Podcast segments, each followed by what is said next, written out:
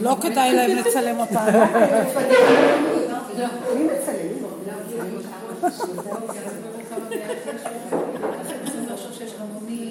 אפשר להוסיף היום אפשר לעשות קומבינה, הכל. כן, אפשר להוסיף. מה נשמע העיקרון שלנו? אני לא רוצה להתחיל לדבר, כי מאיפה אני אתחיל? זה לא הכמות, זה האיכות. אנחנו מגיעים בתהליך של העבודה שלנו לעומק של העומק. זה ממש מתדמה לספירת העומר, הזמנים של ספירת העומר, שכל התהליך של הספירה זה הולך ופוחת. אומרת, הולך ומוסיף, אבל לכיוון מטה. אנחנו הולכים עם הספירות, חסד, גבורה, תפארת, נצח, הוד, יסוד, מלכות, הולך עד למלכות, למטה, למטה, למטה, אבן השתייה. כלום. התרוקנו. במלכות יש תכונה. המלכות היא מאוד מאוד קטנה, היא נקודה, שים את הלב, נקודה. והפסיכולוגיה שלה היא קטנה, קטנות.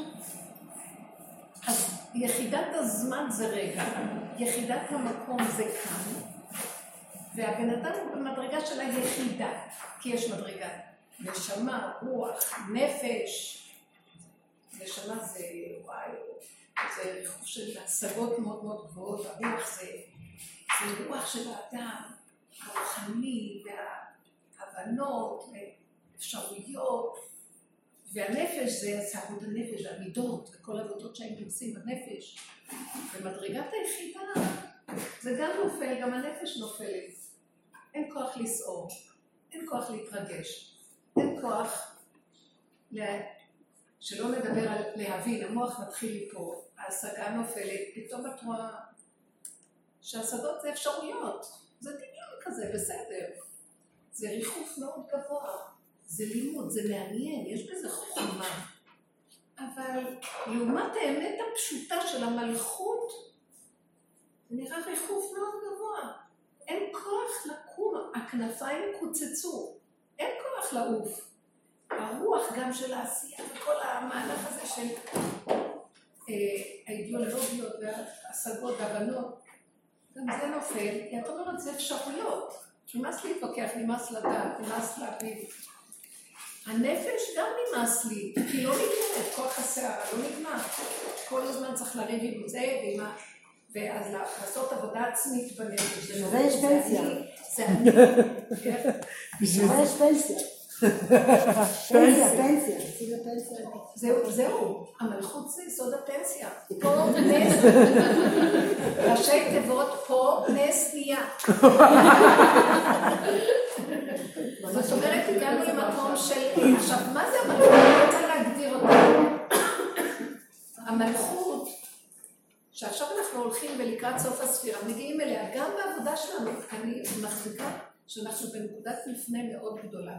עשינו המון עבודה בכל המדרגות. אני כאילו מדברת בשם כלל ישראל. דורות של השגות גבוהות והבנות, ובדורות של אברהם אבינו, החכם הרזים כתב את ספר היצירה וכל הספרים שנכתבו וכל האיוב וכל הפילוסופיות של עם ישראל. אחר כך אנשי כנסת הגדולה וכל התנאים וכל ה... שהם פיתחו את הרוח, מדרגת הרוח, והרבה לימוד, והרבה ידע, והרבה... ואחר כך הדורות זה מבחינת הנפש, סערת הגלויות, והשעבוד מלכויות, והכאבים, והפוגרומים, והאינקוויזיציה, והשואה. נורא ואיום. אנחנו מגיעים לקצה לקצה, אני ממש הרגשתי בעבודת הנפש שעברתי שואה, זה למות מה שעברתי בפנים. האיפוק הזה, על- עלו לי גלים של שנאה, כעס, רוגז, כל הדברים, יש לי בחיים, לא חשבתי שאני שונאת. אני טיפוס של אהבה, אני, לי שנאת עולם. יכולתי להרוג במחשבה, התחושה של העוצמות הכעס, ואת הכל צריך לאפק ולהפנים ולא לתת, אתן זוכרות את העבודות שהיינו עושים. זה לא הוא אבא זה, אתה שלחת אותו להרגיז אותי, אבל מה, אתה רק מראה לי את עצמי בתוך כל זה. רב אושר וכל הדרך מסמלת את התנועה הסופית ש, ש, של התוואים והיסודות במדרגת הנפש. עם ישראל ירד לנפש, כאילו. ובדרך הזאת ירדנו עוד יותר מדרגה ליחידה. אין כוח, גם לסעור. אה, ממש, משונה. לפני שבוע. אז אני ביום שישי אני עוד מקלפת, כבר לא לי, בדרך כלל הייתי גומרת את הכל מוקדם, והיה אכפת לי שלא יהיה לחץ. גם יש לי הרבה דברים אחרים לעשות, לכתוב, לסדר. אז הייתי גומר, אני משתרכת לי בלאות. אז לא, לא נורא שכאן לא ופה לא זה, ואני קולטת את התפוחי אדמה לשים בחמים בשעה חמש, ארבע וחצי, והכל בלאגן במטבח. ואז בעלי גם אומר, אה, אני יכול לקחת את האשפה, שק גדול של אשפה, אז, אני לוקח את האשפה, אז היא אומרת יופי, ואז הוא אומר לי, אה, טוב, אז הוא בא לקחת, אז לו, רגע, רגע, יש לי כאן עוד תפוח אדמה, פה יש לי עוד איזה קישור לקלף למרק, פה יש לי עוד איזה, רק אני אגמור את הכיור הזה ואת זה, וכבר תיקח את כל האשפה. והוא התחיל לצום. זה אפילו לא היה פרופורציונלי, ככה היה נראה לי. כאילו, את לא מבינה שאין זמן, תראי איך הכל נראה, ואני חייב ללכת מהשעון, אין לי זמן, את צריכה ללכת למקווה, ויש לי עוד דברים לעשות. אז כן. מה שקרה לי הוא שאני רואה אותו כאילו זה גולם שלא מבין מה קרה פה, למה אתה צועק, למה אתה כועס, אבל זה לא אפילו נגע לי. תחושת החירות מפני זה שאת לא קפץ לי, מידה כנגד מידה, כאילו הוא מלגיש לי את ה... הוא לא רואה שגם אני לא רוצה, ואני כל הזמן עובדת, הוא עוד ישב ולמד, הוא עוד הלך לעשות עניין, ואני כל הזמן במטבח, ובסוף הוא כבר עושה טובה ולוקח את ההשפעה, אז הכעס עליי, למה זה כבר לא גמור. לא עלה לי כלום. והסתכלתי וראיתי ביחידה, לא היה אכפת לי, הסתכלתי עליו כאילו, מה? כאילו איזה אוטיסט שלא מבין מה קורה פה. ואז הוא צועק. ואז אני ממשיכה, לא, לא, צריך את התפוח אדומה לקלוף, או צריך את זה, אני לא יכול להמתין. לא? ואז הוא אומר, אני לא לוקח את השק. טוב. ממשיכה לקלף. והוא הלך. ועשה קשפנית, אמרתי, ואיך אני אגיד לא, כי זה יישאר פה, מי ייקח את זה אחר כך? כל השבת זה יישאר פה. נשאר כל השבת. סגרתי את זה, שמתי לו. הגעתי למקום של קטנות, קטנות, קטנות. ובפעם, השמחה שהייתה לי זה שוואי, ליבי חלל בקרבי, אני לא מגיבה לכלום מאחורי תקשיבו, זה מקום שנראה מין... ביחס לעולם זה לא מגיב כמו שהעולם. אצלי לא פרטי כמו זה אוטיזם. זה הבנתי, המילה אוטיזם. זה לא כמו, זה אוטיזם. זה המילה עצמיות. אני בתוך היחידה, יחידה עצמית. נכון, אוטיסט הוא בתוך עצמו. הוא והם וכולם. ובתוך זה אני מסכימה. למה? ואני רוצה בשיעור זה לשים את הפנס על, היח... על היחידה, על המלכות, תכונות של המלכות, מתחיל להתגלות המלכות. היא קטנה. היא קטנה. הזמן שלה קטן, כלומר, יחידת הזמן זה רגע, נכון? אחרי רגע יש עוד רגע ועוד רגע ועוד רגע. בשאר המגזרים של המדרגות, אז יש ריבוי, תודעת עץ הדת מרבה. אחד ועוד אחד ועוד אחד, נהיה שעה, נהיה יום, נהיה שבוע, נהיה... כאן יש לה יחידה. נכון, כאן יש לה יחידה. היחידה נגמרת ומתחדשת יחידה אחרת. אין אחד ועוד אחד ועוד אחד ועוד אחד. המנגנון של הריבוי נופל ונשארת היחידה. אז גם אני פתאום ראיתי הוא כעס, אחרי רגע לא זכרתי שהוא כעס גם. הוא לא רצה לקחת, אז לא היה לי אחד ועוד אחד, אם הוא ייקח, אז מה יהיה כאן? אז הפח יישאר הזה, אז מה הוא כועס? הוא לא מבין מה עשיתי, וכשאני כל הזמן עסוקה. אין אז הצטדקות, אין ויכוח, אין רצון שהשני יבין אותי. איך שזה ככה, הכל בסדר.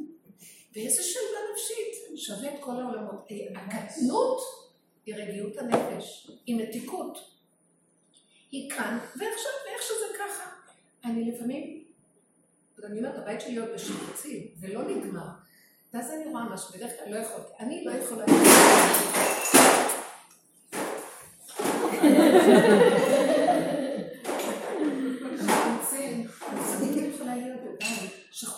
נופלים לך לקרקע, בלטות חשופות, הניילונים של הדלתות החדשות, לא קילפו אותם, אז חצי פתוח, כל מיני מצבים שנראה, יש לי חוש אסתטי, ואני בתודעה הקודמת, זה מין שליטה בכוח, את חייבת לגמור, חייב זה, ועכשיו, שהכל את יושבת, אז נו עכשיו מה? איזה סיפוק, וואו, איך אותי, שפות חלקות. את מוסרת את הנפש, את השכל, את האישיות בשביל רגע של קורת רוח דבילית כזאת, שעליה את מתאבדת, כן? כזה זה, תבוא אצלנו אנשים. ואז אני, אז אני רואה ככה, לא נורא חוטים, אני אז אני אומרת, תראה איך הכל נראה, אני שואלת, נו, מתי זה יבוא, ומתי יגמרו, ומתי... וכאילו אומרים לי, אין שלטון ביום המוות, יש פסוק כזה, היה לי במשנה. זאת אומרת, הם עונים לי תשובה שאני לא מבינה. לא, זה... מה? אני לא מבינה מה הם אומרים. דיברנו, אמרנו, וזה, וזה, אז למה אף אחד לא עונה לי? אז אני מבינה, אני חוזרת לאחור ואני אומרת, הקטנות מסכימה שאין לי תשובה. אין לי הבנה, אין לי תשובה, אין לי תוכנית. איך שזה ככה, הרגע, מכריחים אותי למקום הזה. ואז אני רואה דבר מאוד מעניין. אני מדברת איתכם על התודעה החדשה שנכנסת. זה תודעת מעבר לפני הערה גדולה. הכנת הכלי של הכלום. המלכות היא כלום, מהמלשון היא נגזרת מלשון כלום. מלך, כלב, כלום. ואז אני רואה, אני אומרת לה, אבל ריבונו שלום, בראת אותי עם תכונה בטבע, שהיא גם, התפילה שלי נהייתה קטנה בתוך העצמות שלי, שהיא אוהבת, נוי, אז זה קצת מצער אותי, אבל זה קצת, כי הצער נגמר אחרי רגע, הבנתם? כי הכל נהיה רגע, פעם זה היה יכול להיות שעות וימים, עכשיו זה הכל נהיה קטן, ונגמר. אז אני אומרת לו לרגע, זה תכונה שנתת לי, ואחרי רגע אני משתתפת. ופתאום אני רואה שקורה משהו מאוד מעניין.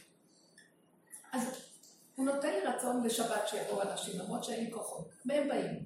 אז אני רואה שהילדים הקטנים שבאים, פתאום מקלפים לי את כל הניילונים, כמו איזה, כמו דגים כאלה שמנקים את הזה שלה כבר, מתלבשים על הניילונים, וזה הפך להיות, אז עכשיו יש הרבה דלתות, אז הם הולכים להתעלת, לדלת, תולשים ומנקים את כל פתאום אני רואה אנשים שמגיעים לשבת, משפחות מי אז הם צריכים לסדר לעצמם את המיטות, אחד על השני המיטות, כריות, כל מיני, אין לי כוח לעשות הכל מסגוחות מיותרים. פעם אני במחילה דקח עד חמש בבוקר אני אשאר ערה, ואני אסתדר. כלום. אז אני רואה, הם מסדרים את המיטות, מסדרים את הכריות, מחלקים לכל אחד את הדברים, שמים את הכלים ששם, מכניסים למטבח לארונות, עוזרים את המסמרים של המחסן, שמים במגירות, כל דבר. פתאום אני מסתכלת ואני אומרת, תראי, במוצאי שבת, אני רואה בית מסודר. מישהו כאן סידר. המלכות אומרת לי, התוכנית שלי לא כמו שלך. הפעולות שלי נעשות לבד, קטן, ואת לא יודעת איך בדברים נעשים. אחרי, יומיים שלושה, פתאום אני רואה דופקים בדלת, מגיע פועל שהיה צריך לגמור את הדברים. הבן שלי תהיה איתו, אני אפילו לא הודיעו לי, כאילו, ידעו שאני באה. אז פתאום אני רואה, הריח הזה מונח, ועוד הריח מונח. מישהו בא אחרי יומיים ומסתכל על החשמל, פתאום הוא אומר לי, למה את מתרגשת? למה את סוערת? את לא צריכה להיות בתמונה בכלל, דברים נעשים מעליהם, את לא מבינה, רק תהיי איתי. רק תסכימי לאיך שזה ככה, ואל תתני למוח לשגע אותך. למה זה ככה? זה צריך להיות ככה. לא זה... התודעה הזו של עץ הדת שיש לה ריבוי אפשרויות, ויש לה דעות, ויש לה עצות, ויש לה הבנות והשגות, והמון רעש במוח, ותכלס, בסוף התכלס היה פה אותו דבר, כמו שבתכלס גם יהיה שם. אבל בלי כל התהליך של המלחמה הזאת, והצער של הנפש, המעברים הנוראים, ושהאני שלך מוכרח להיות בעניין, והוא מנהל ומנווט את העניינים. לא, אין שלטון, אין אני. אבל הדברים נעשים, יש מי שעושה. מה אומרת לי התודעה החדשה? יש לך טיפת מצוקה, תיכנסי פנימה, אין לי יכולת הכנה. רגע אחד של מצוקה, הייתי גיבורה להכין ולעשות עבודות, עבודות, עבודות הנפש, עבודת הרוח, אין עבודה, אין לי רוחני, נפל הכל, נפל הכוח של ההתרגשות מפני דברים ואז להתאפק ולא לענות, הכל יוצא, אבל אם הוא יוצא, הוא יוצא לרגע ונחבא, הכל קטן, הוא לא, הוא לא מציאותי, הוא לא ממשי, הכל קטן, מצומצם, מרוכז, והשכינה אומרת לי, זה כוח השכינה שנמצא בעצמות האדם, ואנחנו קוראים לזה שכינה בגלות. אני רוצה להסביר, מה זה שכינה? שכינה בגלות, יש מושג כזה ביהדות. בתודעת עץ הדת עלינו למעלה למעלה לריחוף, יש ריחוף של קפיצה מאוד מאוד גבוהה. הקפיצה הגבוהה הזאת הולכת על השגה, על הבנה, על כתיבה, על הגייה, על דיבורים, על אידיאולוגיות, על הבנות והשגות ועל ידיעות גדולות ועל... ובאמת, באמת, באמת, אנחנו רחוקים ממציאות השם. מה זאת אומרת רחוקים השם? אמיתי תמיד שוכן איתנו למטה באדמה. איתנו. השוכן איתם בתוך טומאותם ובכל צרתם נוצר. יש אור עליון, יש הקדוש ברוך הוא, אין לי השגה בו בשכל. אם עץ הדעת שלי רוצה להבין מהו, אז הוא כבר לא יכול להיות השם שלי. אם אני מבינה מה זה השם שלי, אז הוא לא יכול להיות השם. אז אני מכילה אותו ואני מבינה מהו. השם הוא תמיד נבדל ואין לי הכרה והשגה בו, הקדוש ברוך הוא. הוא מלשון נסתר ואין לי השגה. אבל יש לי, זה כדוגמת השמש, בואו ניקח את השמש, שהשמש היא אור של חמה חזקה. אבל אני לא יכולה, האדם בכדור הארץ לא יכול להכיל את אור החמה, הוא יישרף עד רגע. אז החמה, החוכמה של הבריאה, שהשם סידר בבריאה שלו, שקרני החמה, שליחים של אנרגיה מהחמה באה אלינו בדרגה דקה, בתור קרניים, שאנחנו יכולים להכיל אותה פה בכדור הארץ בחוק האורגני. כי זה מזין אותנו, מפרנס אותנו, מכלכל אותנו, חיה אותנו. אנחנו מסתכלים על השמש, זה חלק מהשמש, אבל בקטן שיש לנו יכולת להכיל אותו, והוא מחיה פה את האנשים עלי אדמות. זה נקרא כוח השכינה, והוא תמיד נמצא עם האדם. לרגע הוא ייעלם, אין לאדם חיות, הוא ימות. זה הכוח הנושם בתוך האף שלו, זה הכוח הדופק, זה מזרים לו את הדמים, זה כל הפעולות שלו, כל הטבע מלא שכינה. כי זה חוק הטבע, חוק הטבע יש בו חיות. אם את רואה את ההר, יש מי שמחזיק אותו. אם את מדברת, יש מי שנותן לך את האפשרות לדבר. כל הכלים משתלבים וכל ה... כמו שאפשר במדע להסביר את זה. זאת אומרת, תמיד יש כאן אנרגיית חיים שקיימת. אבל המוח של עץ הדת לא שם לב לזה, הוא מרחף אותנו ביקום, בחלל. אה, אנחנו חוקרים כדורים, אנחנו רוחני גבוה, עולים, מטפסים לכל מיני מקומות, הולכים להתמודדויות, הולכים לאומן, לכל מיני עולמות, לקברות צדיקים. אנחנו עפים ברמות שאנחנו מתרחקים מיסוד השכינה. אפשר לנסוע לאומן, אפשר ללכת לרבי שמעון. אפשר לעלות להר? אפשר לפרוש קצת ולהיות לבד. אבל אם אני אשאיר השכינה והיא איתי, אפשר. אבל אני רואה דבר מאוד מעניין. אם אני רק מחוברת איתה, אני לא צריכה ללכת לאף מקום, כי היא איתי. היא היסוד שאני הולכת לחפש אצל רבי שמעון, אצל בר יוחאי, אצל אומן בכל המקומות. בסופו של דבר אני מתבונן ורואה. אנחנו התנתקנו כתוצאה מהמוח הזה, שהוא מריץ אותנו, מרחיב אותנו בענפים של עץ הדעת, כאשר השורשים שלו זה עץ החיים. בקטן, במתיקות. המלכות יש בה את היסוד של האמת, מארץ תצמח, מהשורשים, היא קטנה ומכילה, והיא כמו הננו-טכנולוגיה. נקודת האטום, חלקיק הקטן של האטום שיש לו עוד פעם את כל האטום בתוכו. אבל הכל בקטן, מרוכז, עוצמתי ופשוט. אז אני רואה בעצם, כשאני נכנסת, בסופו של דבר יורדת למטה, למטה, למטה, למטה, אני רואה הרוחניות נפלה לי. הרצון, אני, אנחנו משפחה של מחוברים, מדורות, ממש. אה, אני רואה שאנחנו, אני לא מסוגלת להחזיק את הספרים הגדולים שהייתי פעם מחזיקה, עץ חיים. אני מסתכלת ואומרת, וואי, כמה דעת, כמה הבנה, כמה השגה, כמה ידיעה. כשאני נוגעת בפשטות של הכלום, אני מרגישה קטנה כזאת, אמיתית מאוד, שהם נראים לי רחוקים, הם צפים על איזה מים, רוח אלוקים מרחפת על זה. זה רוח של אמת, יש שם חוכמה, אבל הכל כאן כל כך פשוט. ואז המהלך של העבודה שעשינו, ההתבוננות וההתכנסות פנימה פנימה, לשוב לאחור, זה העבודה של ראש הנתן, שזה היסוד הסופי. קחו את כל העבודות שעשו כל הדורות הקודמים, מכל ההשגות וכל הזה, והסבל, תעבדו, תעבדו, תעבדו, עד שתגיעו ליסוד של לא יכול לתת להם את הדעת. אין כוח לחשוב, אין כוח להרגיש. אין כוח לעשות אפילו, הכל פשוט. במקום של ההתקטנות וההתמעטות והגבוליות שקראנו לו גולם, שאת חוזרת אחורה, אחורה, אחורה, נהיה כל כך קטנות, שכבר את באה לחשוב משהו, זה דועך, כי זה רק רגע. את באה לדבר, אז זה מילה. את באה לעשות, זה נהיה קטן. שהולך. אתמול באו, עשו איזה דבר, ואז אמרתי, טוב, אז זה שבא ועשה, הוא לכלך מאוד.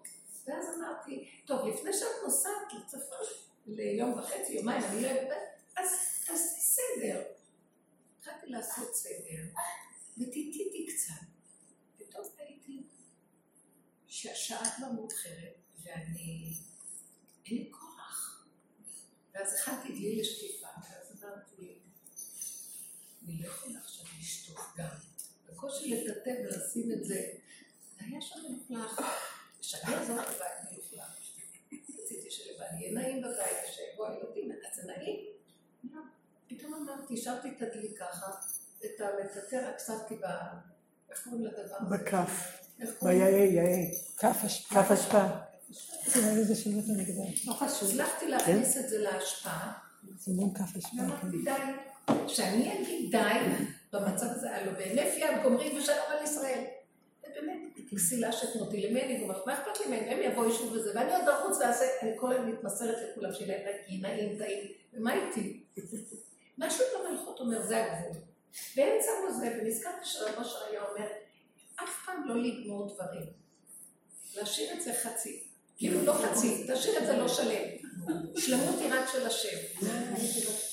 האדם הוא תמיד חסר, תישארו בחיסרון. ותקבלו ותשלימו ותראו שהדברים יסתדרו. אז אני יודעת שמישהו מבני הבית יסדר את זה. כמו שאמרתי לכם, שהכל ממילא מסתדר, אז למה את משתגעת, עוברת את הגבולות, שוחטת את הנפש, אחר כך את חוזרת, הם לא יערכו, הלוא כולנו מתלוננות, הם לא מעריכים כלום, מה לא עשיתי שם. תני להם להיכנס לתנועה, את לא נותנת לבני אדם את תמיד הכל, הכל באמת. אז המקום הזה של הקטנות מכניס אותך לגבוליות. ואז אני אומרת, זה בסדר גמור. אחרי רגע שיצאתי, בדרך כלל המוח אומר, למה עזבת את זה ככה? לא זכרתי בכלל שיש לי בית, שיש לי זה, שהמצב הוא כזה, לא כזה. הלכתי קדימה, כי אין רקורד. בתודעה החדשה יש כאן ועכשיו, את מתחדשת, וכאן ועכשיו, ואין אחד עוד אחד שווה. יש התחדשות. הרגע הבא, ואיפה שאת נמצאת, אני בתוך המרכזית, אני נוסעת. מה זה קשור עכשיו? אין בית, אין עולם, אין דמויות, אין בני אדם. לא שייכת להם. כן, במוח שלי, כן, יש לי משפחה, יש לי... אין לי כלום. יש לי מה שיש לי כאן ועכשיו, הרגע, שזה מציאותי. זאת שישבה לידי באוטובוס כרגע, היא יותר אמיתית ששייכת לי מאשר בני הבית שנמצאים בווירטואליות במוח שלי באיזה מקום. נגמר. תשמעו, הטלפון הזה הוא מאוד מרגיז, כי הם יכולים פתאום להתקשר. זה נורא ואיום, סיום מה שקורה עם הטלפונים האלה. אני לא, אין לנו, לא לענות. אני אומרת, אני עונה אם זה מתאים לרגע שלי, אז אני עונה בקטן. ואם אני רואה שמתחיל להיות, אה, אה, אה, אז אני אומרת, אי, אני לא יכולה. אין קליטה. אין קליטה, כן. אין קליטה.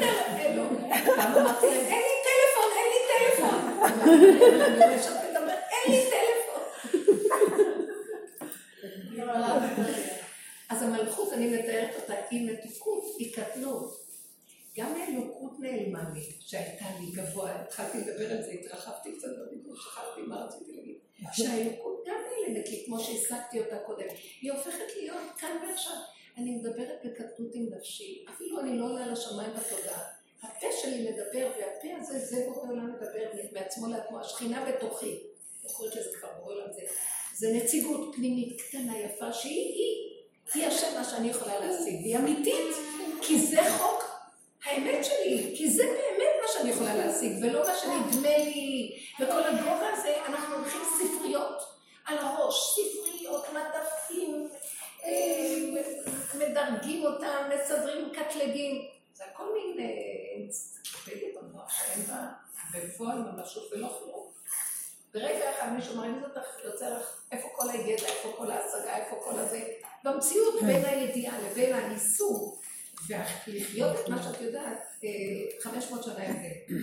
המקום הזה של המלכות הוא קטן, פשוט הוא קטן. והפלא הכי גדול, השכינה אומרת לי, את מגיעה אז אליי, למטה, אני למטה למטה. שכינה בגלות, דחקו אותי, הלכו על השגות וגדלויות ואותי השאירו למטה. אנרגיית החיים שכוחת אל, למטה, בגלות, מה שאנחנו רואים. כשאת נכנסת פנימה ואת נופלת חלשות, כמו הסיפור של רבי נחמן. שבסוף הבת מלך בורחת מהחיצים שרודפים אחריה, לבסוף היא נופלת חלשות. ומשהו קולט אותה, אני מרגישה כמו איזה שתי זרועות של כנפי יונה, שכינת סחורה עוטפות, ומושכות אותנו לאדמת בשרנו. פשוט. אני כל כך נהנה להישאר בגוף העייף הזה, לשבת שם. כולנו עייפים, זה לא בגלל הגיל. אחת אני רק נולדתי. זה גם ילדים שנולדים עייפים. אנשים נכון. צעירים עייפים. עייפות היא, הבנתי שהתשישות שיורדת לעולם היא כלי נכון. כדי שהמלכות תוכל להתגלות, כי בכוחנות אין לה גילוי, כי היא קטנה, והכוחנות גדולה, היא לא נותנת לה להתגלות. הדמיון מאוד רחב, ואילו היא אמיתית, אז בדמיון הזה לא ניכר המלכות. ואז אני רואה דבר מאוד מעניין. היא אומרת לי, את באה אליי פנימה, וצומחת חלישות, אני עוטפת אותך, את תישארי בפנים ואני אנהל לך את העולם. אני אומרת לה, אבל אני מתנתק מהעולם, את יודעת, אני מתנתק. פעם הייתי מדברת יותר, פעם הייתי זה, אבל המון כוחות היו לי. רציתי לשאול אותך, מה עם הבדידות שם? רגע. אני אומרת לה, אני אהיה בדידות, אני אהיה לבד. היא אומרת לי, לא, את איתי, כלום חסר דבר בבית המלך. זה רק המוח של קודם, הרקורד שמכיר הרבה אנשים ואיך היה פעם, אז זה עושה לך את הכאבים. באמת, באמת, אם תהיי אמיתית עם עצמך, מה לך, מה כל העולם הזה? זה סתם דמיון במוח שלך שאת נושאת אותו. הילד הזה, אני אוהבת אותו, וזה זה, וזה בעלי, וזה ההוא, זה וזה זאת חברה, וזה אימא של מסר. אבל הם כרגע לא נמצאים, זה רק בלי של הרגשות והבנות והשגות במוח, תרדי מהם.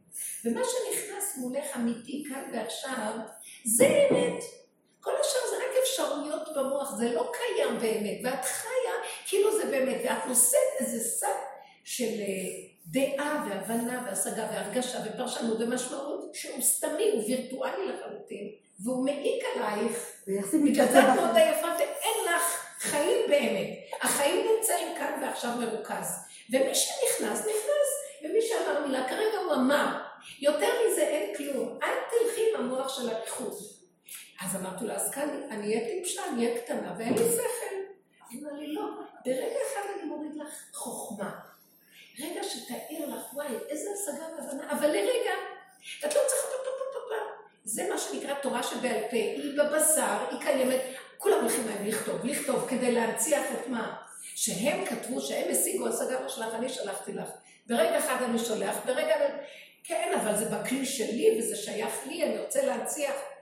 אני אתן לך את הזכות ואת הרגע המתאים להנציח אם זה טוב לטובת הכלל. אתם יודעים כמה נבואות נאמרו בישראל שלא נכתבו, שהם לא אה, נכון, לצורך לא- כלל לא ישראל, התקיימו, כן. להם אה, משמעות. אין להם משמעות. לאיבוד. מה שיהיה שייך, שזה יהיה לטובת הכלל באמת, אני יודע, ולא האגו שלך. אז תרדי, תתקטני, תתמעטי, תגידי לי, אני אומרת "אבא, זה דבר שכדאי שכולם ידעו. אז הוא אומר לי, טוב, אני שומע, אבל... אה, תשאירי לא, לי את זה, עכשיו- תשאירי לי את זה, אני זה מנהל. לא שזה יהיה. אני מנהל את ה... ואז את לא תדעי, ואז אני אומרת פתאום, אה, מישהו אמר את מה שאני אמרתי. ואז הוא אומר, אבל הוא לא אומר שאני אמרתי את זה. אז כאילו, הקול הפנימי אומר לי, אז אני אמרתי לך, אני גם אמרתי לו, גם אני אמרתי לו לקחת ממך, זה תמיד אני, מה את רוצה? את כלי שלי, גם הוא כלי שלי. אז מה את רוצה הנצחה של, של הישות האמיתית? עצמית שלך? זה לא אמיתי. אז את נרגעת, לא שלך פה כלום. ואת נהיית קטנה, אז הקנאה, למה הוא אמר? כי כולם ידעו שהוא אמר ולא אני, גם נופלת. פחות צער, כי קנאה אחת, אלף מיטות ולא קנאה אחת. אי אפשר לחיות את החיים, מה שהאגו הזה עושה לנו, והוא ממית אותנו מהצער הזה של המחשבות שלו. התודעה מתחילה להתכתב, להתמעט. אני נכנסת במקום של הבשר, והשכינה יוצאת לסדר לי את החיים. אז היא אומרת לי, אני אחבר אותך. אז אל תלך אותם בעולם. רגע, את לא זה לא סותר. לת- לסדר במוח שלך איך תתקשרי בעלך עם הילד. את את הרגע ותראי שיבוא רגע, הוא נכנס, פתאום אני אתן לך דיבור, זה יהיה בסדר גמור. פתאום הכל, כן, זה פלא עצום שהכל קורה מאליו, רק לנו נדמה שאנחנו צריכים לעשות פעולות כדי להתחבר, כדי להסביר, כדי לידע את האנשים. שום דבר. תגידי מילה. אל תתני למוח שלך, את יכולה לתכנן רגע, ואחרי רגע לכי לדרכך. המחשבה של התכנון גם זה נהיית השם. אבל אל תתרחבי איתה. ואני אגיד לו, מה הוא יגיד לי, ואני לא אגיד לו, כן אגיד לי, לא אגיד לי. לא כלום. איך שזה, ככה יורד, נחמד, קטן, וכשבאה עת, מה שצריך להיות יהיה. חוק השכינה, שהאנרגיה הזאת קמה, והיא מנהלת את החיים שלנו.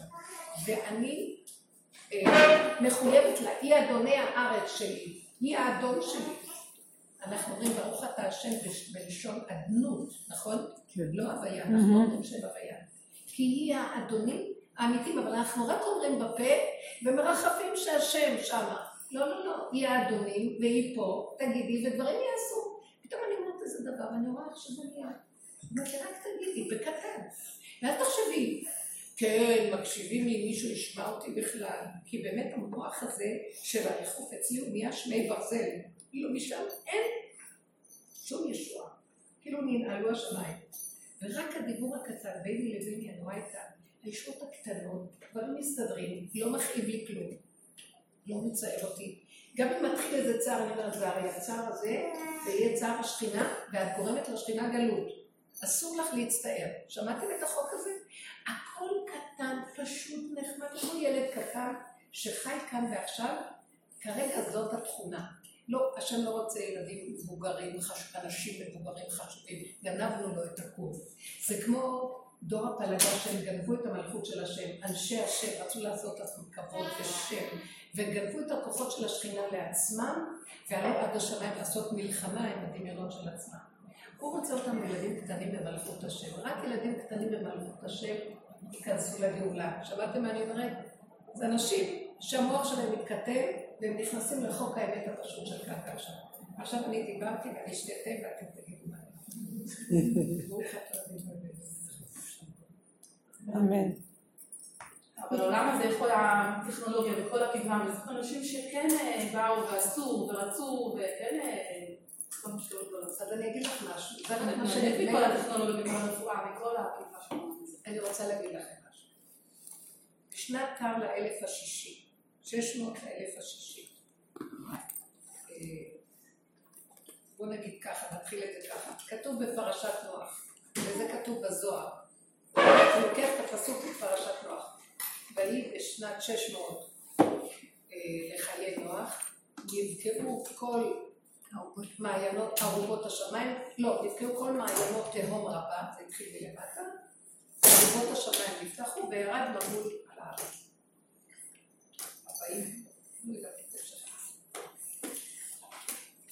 אומר הזוהר הקדוש, בשנת 600 לאלף השישי, ירדו חוכמות גדולות מן השמיים וגם כל חוכמות המלכות מהאדמה, מהתאומות רבה, וגם אורות גדולים של חוכמות ירדו לכדור הארץ.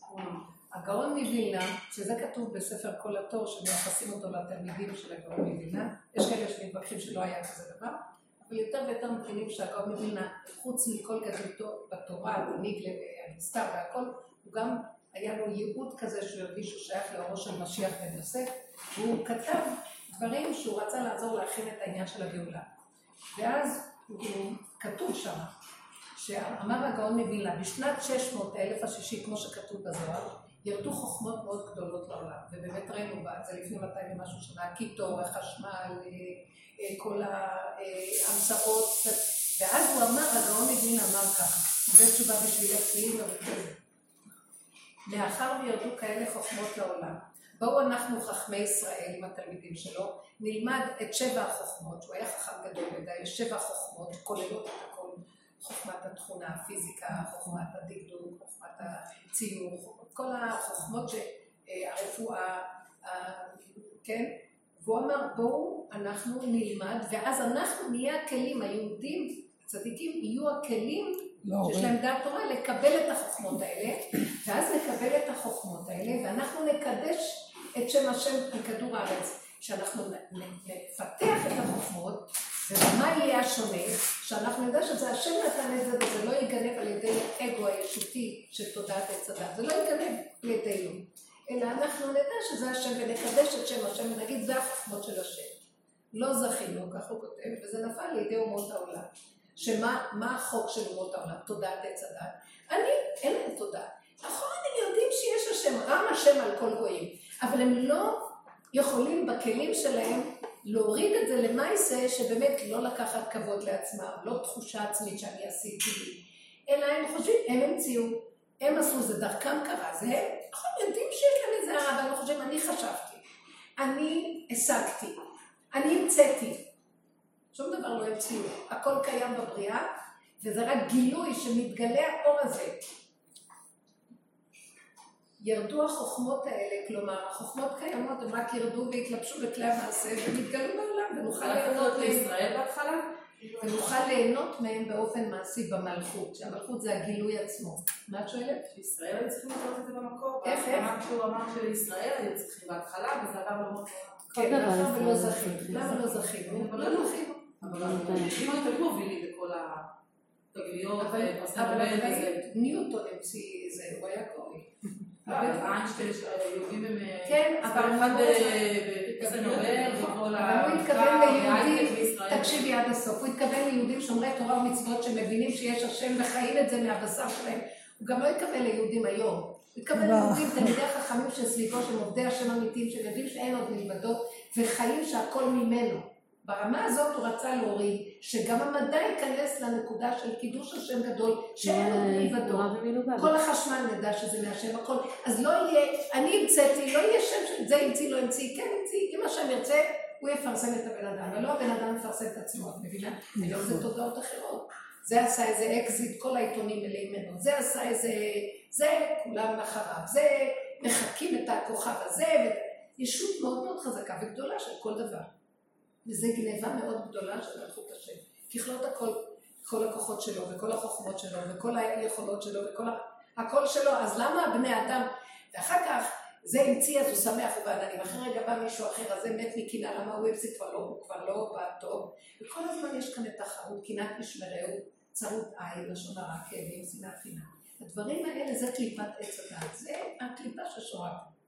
אז מה שאת שואלת עכשיו, ששאל, נכון שאלה שעושים ועושים, אבל הם רק כלים שדרכם ממילא יוצאת הנהגה של השם שעכשיו רוצה להתגלות. כל החוכמות שעכשיו יוצאות זה דברים מדהימים. המיחוד, הפלאפונים האלה דברים מדהימים, כל הדברים הזה. אבל זו חוכמה שאם אנחנו לא מייחסים אותה להשם ושומרים את הגבולות הנכונים בהורדה פה, היא הופכת להיות היה. קליפה.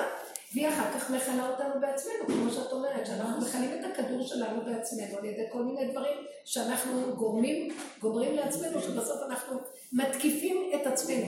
המצאת התרופות וכל זה, כשאין לה את הגבול הנכון, היא הופכת להיות תעשייה כספית שגומרת על הבני אדם ויכולים להרוג את הבני אדם עם התרופות האלה, כי הכסף יענה את הכל. ויכולים אה, לעשות מחול שדים סביב אה, כל מיני תרופות שיכולות, הן מרפאות מצד אחד, מצד שני אין להן גבול, הם יכולים גם להרוג. אין איזון, אין דיוק. המלכות מדויקת, היא מממנת, מ- מ- נותנת מינון לכל דבר הראוי לו, וחוכמת השם ניכרת שהיא מטיבה לבריות בצורה נכונה. כאן האגו לוקח את הכל. אומנם יש כאילו שווה יש הכל ויש הרבה סבל. מה הסבל של זה? למה זה צריך להיות? למה אנחנו כל הזמן מבוהלים על הילדים, איך יגדלו, איך יגדלו? אם יש השם בתוך התורה, אז שהוא יתגלה וישמור עליהם, למה ההורה נגמר? כל מיני דברים. אם אנחנו רואים שנולדים ילדים היום, שיש כל כך הרבה, מה שאנחנו קוראים לזה בעיות, זה לא בעיות, זה סגנון של ילדים שלא מתאימים לתרבות הקיימת, של המוח הבולשביקי של החינוך, של תודעת עץ הדת, והם באים להגיד לנו, יש דרך אחרת של מלכות, איך לחיות פה. שכל אמיתי פשוט, שחי כאן ועכשיו, ולא כל ההשגות פה. למה משרד החינוך לא יחשוב שמשהו צריך להשתנות אצלם ולא אצל הילדים? כל הם דוחפים תרופות, דוחפים כדי שהמערכת תישאר איך שהם רוצים. אז אין כאן איזון, אין כאן אמת. יורד אור לעולם ולא נותנים לו קיום. וזה המשך הגלות. לכן הקבוצות האלה שעובדים עד הסוף ונותנים לגילוי הפנימי מקום. עשר כאלה, דרכם יכולה המלכות להתגלות ולהביא ישועה לעולם. היא תנצח, האמת תנצח, הקדושה תנצח. אבל צריכים שיהיו אנשים שיהיו מוכנים לרדת לקטנות הזאת ולצאת מחוק תודעת עץ הדת, שזה הגדלות והישות העצמית. אבל היה אולי צריך את זה, כי הקימו את המדינה עם עשייה, לא עם אה, להתפלל ורק בגלות היה- להתפלל. נכון, ובידע היה צריך, ואפשר היה אחרת. נכון. אם היינו ברמה אחרת, אפשר אחרת, עובדה שלא יכולים, אבל זה לא אומר שזה התכלית. זה לא התכלית איך שנראה היום החוק פה בארץ. זה לא התכלית איך שנראה צורת הבחירות, זה לא התכלית מה שקורה עכשיו בממשלה. שקר, שקר, עוד מ- שקר. שלוש מיליארד דולר עוד פעם, לא יודעת כמה עולה בחירות. זה לא התכלית, הכל הולך עקום, והכל מבוקש, ויש קשיים מאוד גדולים, זה לא התכלית שככה יראה המדינה, הצבא, לא התכלית שככה יראו האזרחים, שעובדים מאוד קשה ומרוויחים משכורות זעם, זה לא, לא התכלית שיש כזה שפע והדירות כל כך יקרות והבני אדם בתסכול וחרדות תמידיות, זה לא התכלית שנכון שיש שפע אבל מעטים מחזיקים בממון, זה לא התכלית של הבנקים ככה, זה לא התכלית הצודקת, שבסוף בלית ברירה אנחנו באים בצורה הפוכה, ויש כאן איזה אבל משהו. עכשיו יש תהליך מוכן לתרום גם טבעון אני לא רוצה, רק רגע. אני באמצע דיבור ותלמדי לגמור, להקשיב לי עד הסוף כי זה... את באה עכשיו לתוך דלת פתוחה שלא נכנסת בשיעורים הקודמים כבר 15-20 שנה. יש לי משהו להגיד לאלה. אני מדברת לאנשים שיש להם תהליכים. זה לא לזרוק כאן שאלות. זה להקשיב ולהתכונן בנקודות הפנימיות. יש גבול אמיתי לכל דבר. אי אפשר לבוא מהידיעות הגבוהות האלה ולשאול את השאלות האלה. כי יש תהליכים שאנחנו מגיעים אליהם, שאנחנו מבינים אותם מבשרנו. אין כאן ויכוח אידיאולוגי, אני לא מוכנה להיכנס בזה בכלל. יש כאן תהליך של עובדי השם שעובדים, עובדים, עובדים, עובדים, עד שהם גולם. ואז הם יכולים להכיל את מה שאני אומרת. ולא, את באה לי מהמוח של, אבל למה, למה, למה? בחוכמת המלכות אין למה. יש ככה. כי כבר אין לנו כוח לשאול את הלמה. כי הלמה הזה יוליד עוד שאלה, ועוד שאלה תשובה, ועוד תשובה שאלה, ועוד שאלה תשובה. ואני לא רוצה להיכנס למקום הזה. זה מקום של אמיתיות, פשוט וקטנות. נכון שיש עכשיו הכל. זה נקרא שכינה בגלות. מלכתחילה זה לא צריך להיות ככה, זה נקרא עדיין גלות. אנחנו לא במיטבל. עובדה שאנחנו מייחלים למשיח. למה? הנה אנחנו פה וזה בחינת משה. חסר כאן משהו. יש הכל והבן אדם לא שמח, לא טוב לו. יש משהו בתודעה דפוק. ואנחנו הולכים לכפתור הזה ושם אנחנו עושים את הפעולות. בלוח הבקרה הזה. נכון, יש את זה ויש את זה ויש הכול, אבל זה לא במיטבו. הבני אדם מנותקים מהשורש של החיות האמיתית של עצמם. ואנחנו יונקים ממה שכולם, מהשגה והבנה. אני נסגרים, בדרך הזאת נסגרים ההשגות והבנות. ואת חיה כאן ועכשיו חיים מתוקים וטובים, אין לך צער. אין לך שנאה לאף אחד ולא כעס לאף אחד, ואיך שהכל ככה. ואת לא מצפה ולא מייחלת לכלום. אני מתחילה להבין שהמשיח יבוא מלמטה בכלל, הוא לא יבוא מהשמיים, הוא לא יבוא מלמטה. הנה איש צמח שמו, מתחתיו יצמח, והוא יבנה את היכל השם בזכריה. זאת אומרת, המצב שלנו היא לרדת, למטה, התייאשתי מלשנות בחוץ. אין אפשרות לשנות בתודעה של עץ הדת. כי זה קם, זה קם נגדו, ויש ריבוי ויש מלחמה תמידית, והיא לא נגמרת, אין פשרה. זה נגד זה וזה נגד זה, וזה יבוא ויוכיח למה הוא יותר, וזה יוכיח יותר למה... גם התורה נמצאת במקום הזה, הכל נשבע בתוך התודעה של עץ הדת. צריכים לסגור את הכל ולרדת לבשר, שזה תורה שבעל פה. איך שזה ככה, מלמטה תבוא האמת, והיא קטנה, ואין שם למה ואין כמה. עכשיו את יכולה לשאול שאלה, אין למה. לא, אני מסכימה איתך, אני רק אומרת שזה חלק מהתהליך וההתבגרות של העולם הזה. גם הרב קוק אומר שהיה צריך לעבור תהליכים לא מסוימים. שומעת טוב. הרב קוק גם אומר שהיה צריך לעבור תהליכים מסוימים של בשלות ונגיד. אבל זה לא בשכל, התהליכים זה בבשר, למטה, למטה, כאילו למטה. שזה משהו שאני אני מסכימה איתך לכל הזה. כן. בתהליך ההתבגרות, כאילו, עברנו תהליכים שהיינו צריכים לעבור אותם, כדי להגיע לאיפה שאת אומרת. זה תהליכים שהם קורים באמת בגלל קומץ של אנשים שעובדים באמת בלוח הבקרה. זה לא מהידיעה. הידיעה הזאת לא מביאה אותנו לשום מקום. יש לנו ידיעה, גם הרב קוק יש לו דברים מדהימים גבוהים, ולקחו אותו, הוא עבד בעצמו על הנקודות שלו, אבל כולם לוקחים אותו בידיעה. צריכים לרדת צעד אחר צעד. אני רואה את רב אושר כאדם שירד בעומקים של העומקים מבשרי איך זה אלוקה. וסבל ונרצח בתוך הנפש שלו, בתוך כל המהלך הזה, עד שהגיע למקום של העין הזה. ומהעין תימצא החוכמה.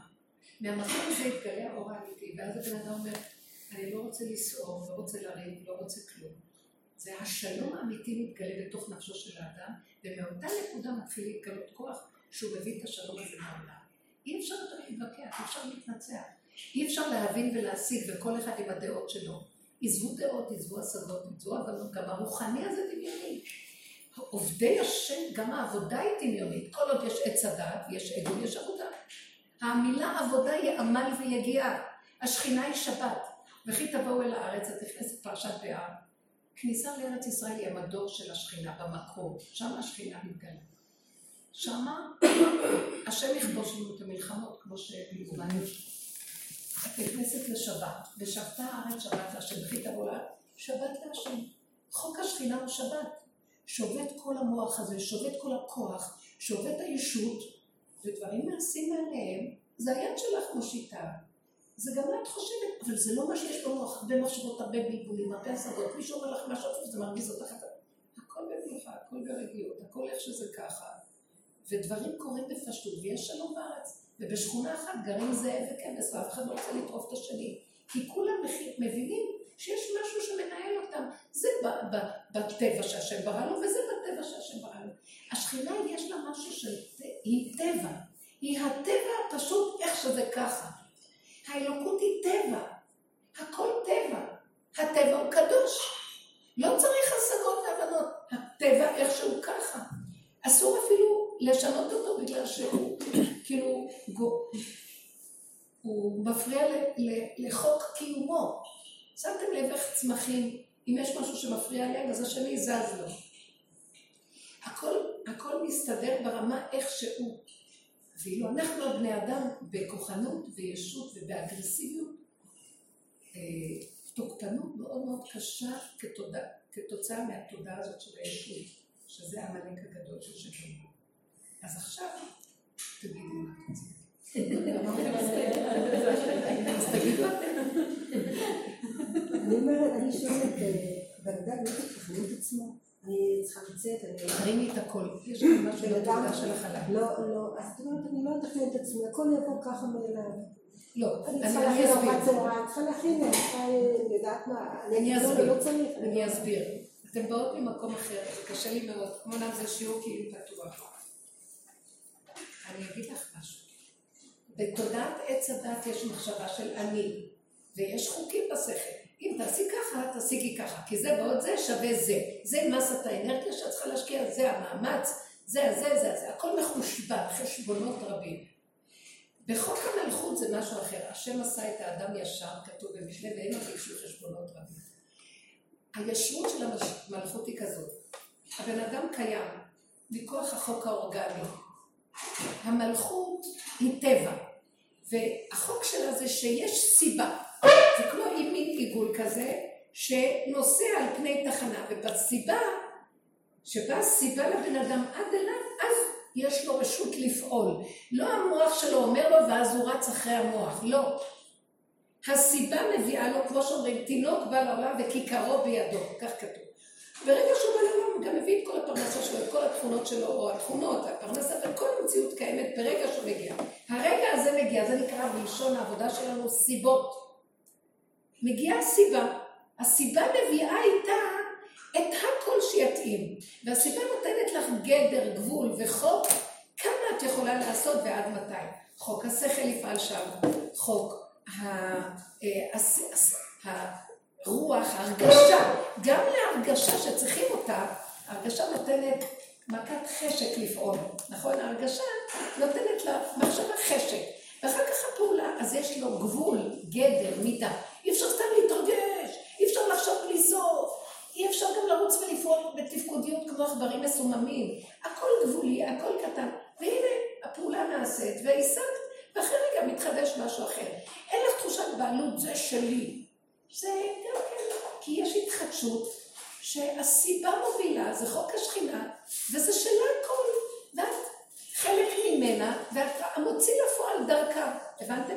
זה מין אנרגיית חיים שאת דרכך מתבצעים הדברים, אבל יש לזה גדר, גבול ומידה. וזה חוק קטן ויפה ומסודר, ואת פועלת, ודברים נעשים. אמרתי לכם שאני רואה שדברים נעשים. אני יכולה לשבת, יש לנו... בדרך כלל הייתי יכולה לשבת לכתוב, וכשאני יושבת לכתוב אז יש לי המון רעיונות, והמוח שלי גדול, הוא יכול פתאום להתבלבל בזה, ואני אומרת, לא, אני מוחקת את זה, ואני אכתוב את זה מחדש, ואז אני כותבת את זה, ואני אומרת, לא, לא ככה, לא. אני יושבת, אני יכולה לשבת שם. הגעתי לנקודה שאני לא מסוגלת ככה לכתוב, לא רוצה לכתוב. אם יש לי צער מזה, אני לא מוציאה. לא, אבל זה אלון, את מוציאה, ויקראו וייהנו, וחבל, את שומרת לעצמך את הנקודה. אני אמרתי, ריבונו שלום, מדברת איתו, הכל דיבורים, ככה, על, לשוני, לא בשמיים. ריבונו שלום, אתה נתת לי מחשבה, נתת לי השגה, נתת לי, נגיד כישרון לכתוב, אבל אני לא מצליחה להביא את זה בפועל, למעשה. זה מצער אותי הריבוי והבלבול, וההשקעה היתרה. אני אומרת לו ככה, אז אני מתנגדת לעצמי, יש לי מה להגיד, גם לי יש מה להגיד פה. סליחה, אתה צריך אותי להוציא את זה, אני אקליע הוצאה לפועל. אז אני צריכה שזה יעשה, יש לי גדר, השכינה אומרת לי מה להגיד. יש לי גדר, גבול ומידה ברמה של שבת. אני אשב על הכיסא, אני אקח את זה, אני אקח את היד, אני אכתוב, אני אדבר עם מישהו שמבין, הוא יעזור לי, להקליט, לגמור, ואז הדבר ייגמר. אני יכולה לראות שפתאום, מה שפעם הייתי יכולה לעשות בשלושה ימים ועוד ניירות, אני יכול להיגמר בשלוש שעות, שתי, שעתיים, ומסודר וערוך. אז אני אומרת, ריבונו זה לא אתה שלחת את כל העזרה הזאת? אני לא מוכנה יותר לסבול על כלום. אני מוכנה להזמין אורחים.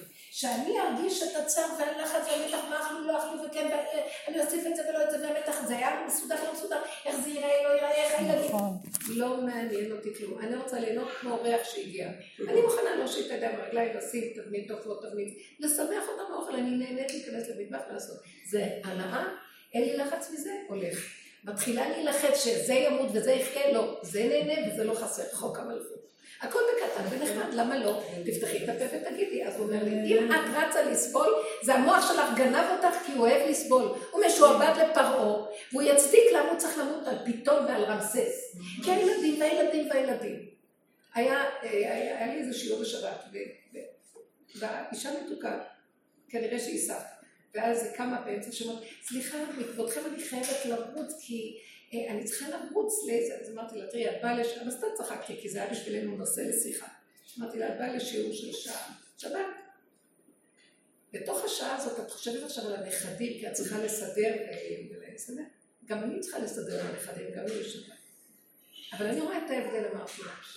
הלחץ שלך על הנכדים גבר על מה שאת הבאת את עצמך לשיעור, כדי לשבת לשמוע נכון? זה לא אכפת לי אפילו אם זה יהיה השיעור הזה או שיעור אחר. זה לא אכפת לי מזה, אבל זה לא כלום. אנחנו מנתחים את הנקודות של הנפש.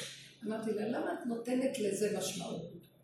ואת מצדיקה את זה ורצה, ולזה לא. כי זה היידיש שלנו של הגלות, הגלות, שהיא אחראית ואחרת. תורידי את זה. הסעודה תהיה סעודה שלישית, והדברים יסתדרו, והילדים גם יכולים להכין. תשבי בנחת אחרת. לא, אבל אנחנו מתמסרים לילדים. ואז אמרתי, היא הלכה. אבל אנחנו התחלנו לדבר, זה הכל, זה לא חשוב היא, זה לא חשוב אני. זה נושאים לדבר עליהם בפועל, כמו שאנחנו עושים בעבודה שלנו. למה אני לחוצה בשביל מישהו אחר? אם אני הבאתי את עצמי לשבת שעה שלישה, אז אם אני לא יכולה כי אני קופטת, אז הבעיה שלי ואני מצדיקה שזה הנכדים. אז בסדר, את יכולה להגיד את האמת, וגם ללכת, זה לא חשוב. תתבונני בעצמך ותראי. אז למה את לא יכולה להתפלל השם להגיד, לא שלום, אני באה לשעה והמוח קופץ לי, אני לא מסוגלת להתרכז בשעה במה שנאמר. אז תרחם עליי ותראה איך אני נראה. למה את לא נוגעת בעצמך ומבקשת על עצמך שיש כאן איזה נקודה של עבודה או התבוננות כל עוד יש כוח לעבוד. יש מהלך, ממהלך למהלך עד שתגיעי למקום שאת אומרת שלא עבדתי, אני לא יכולה לקום כבר, אין לי כוח. אז את לא תרוצי לנכדים. והפלא שבדבר שגם אני חושבת, טוב, השיעור נאמר, אני רצה לסדר, ואז אני אומרת, לא, בשבת לא רצים. נכון. יש לי מהלך ללכת. אני לא רציתי לבוא, התעקשו שאני אבוא, כי אני לא רוצה בשבת להילחץ. אבל הם התעקשו, ואז אמרתי, אם התעקשת, ואז אני כן מגיעה, אני אומרת לו, אני הולכת לאט עד הבית, שזה יהיה סמוך לשקיעה, זה לא אכפת לי, אני הולכת, כאילו, כך תהיה בנחת בשבת. אני מגיעה הביתה, אני רואה, נכון, הוסיפו, מסודר. וזה סידר את זה, וזו עשה את הסלט, לא. והבנים גם באו וסידרו. אז, אה, אז רק רגע, מה יש? לא מה שיש, אנחנו נהיה ברגיעות גם. גם שבת אפשר אחר כך לשים את הלחם באמצע ליטו, לאכול ולהביא דברים, אז מה קרה? חייב שיהיה הכל פה. הלחץ הזה צריך התבוננות.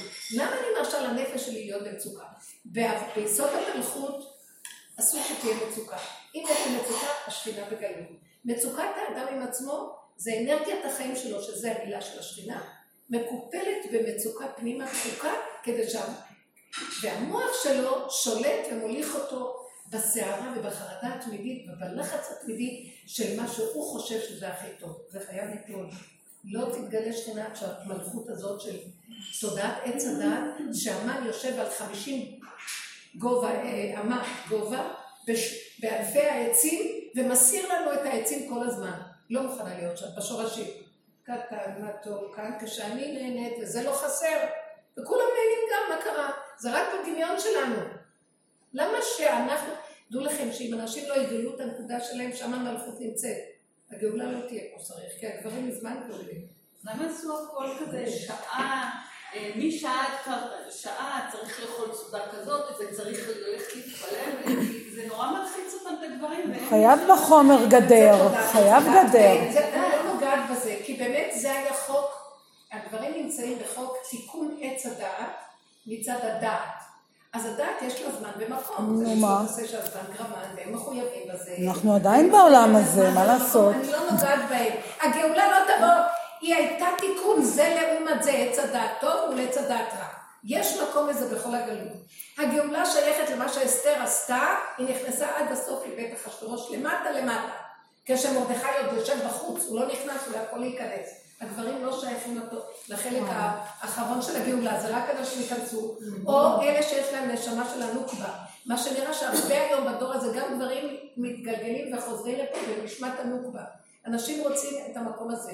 זה עולמות התוהו, זה למטה, זה עולמות של אה, סערה רגשית, זה עולמות של אה, הרבה, ושם צריכים להיכנס, ומרוב לחץ ובהלה וסערה, ו...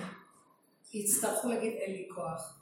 עוד בדת יש סדר ויש כוח כביכול, כי המוח נותן כוח. באמת למטה אין שליטה, אין כוח. תשישות, כלום, הכל יוצא ואת לא יכולה לשלוט בכלום, ואת צריכה להשלים שאין לך כוחות. זה המקום שלנו. למה הם ככה?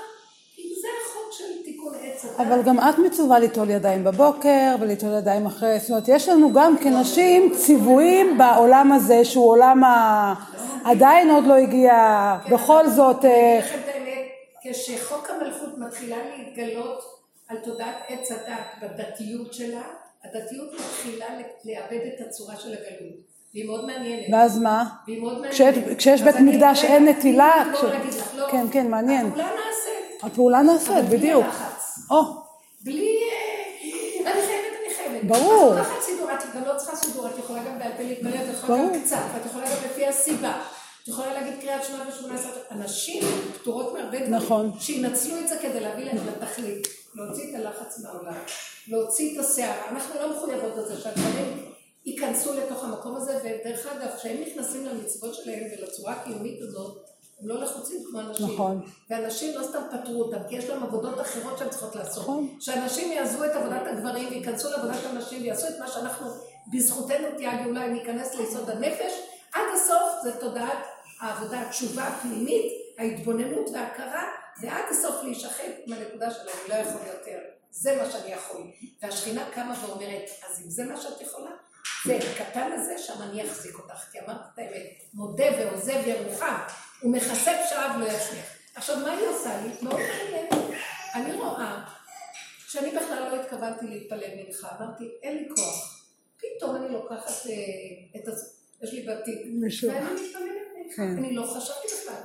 אה, יש פעמים שאני אגיד, אה, עכשיו, פתאום ברכות השחר, פתאום זה בזמן הזה דווקא, ולא בזמן אחר שהייתי רגילה יותר. זה אין לי שליטה על זה, וזה בסדר גמור.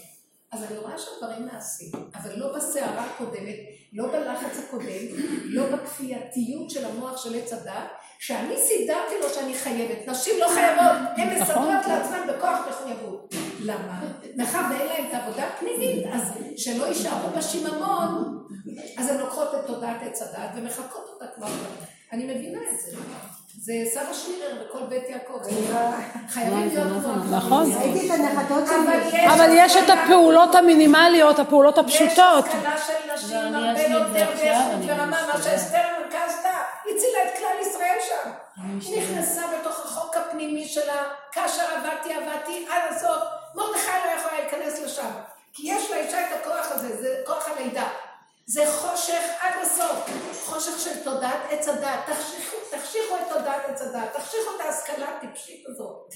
יש חוכמה אדירה שצפה מלמטה, הרבה יותר גבוהה מההשכלה הדבילית שנמצאת למעלה, שינון וקשקוש והבנת הנקרא והמושגים, די. יש חוכמה אדירה שיודעת בדיוק מה לעשות. זאת החוכמה של תורה שבעל פה שנמצאת למטה. אני השתגעתי עכשיו. זאת החוכמה של... אני לא יכולה לגעת, ב- אני לא יכולה שהביאה לגעת. אותה מהמלכות מלמטה, מהשורשים, רותי ולועזית שורשים, רוץ, ורוץ. אה, זה משהו אחר לגמרי. מי שעובר את המהלך של העבודות שעשינו מגיע למקום הזה. ועכשיו זה הזמן. כן. תתני דוגמה, תתני דוגמה לדברים שאת אומרת, במהלך של האישה. חנה, חלה, נידה, איפה ראשת חלה? לא, אנחנו, עזבי. אה, אה, לא, סליחה. חלה, נידה, בהדלקת הנר. בואי, נפתח קצת את העבודות שעשינו קודם.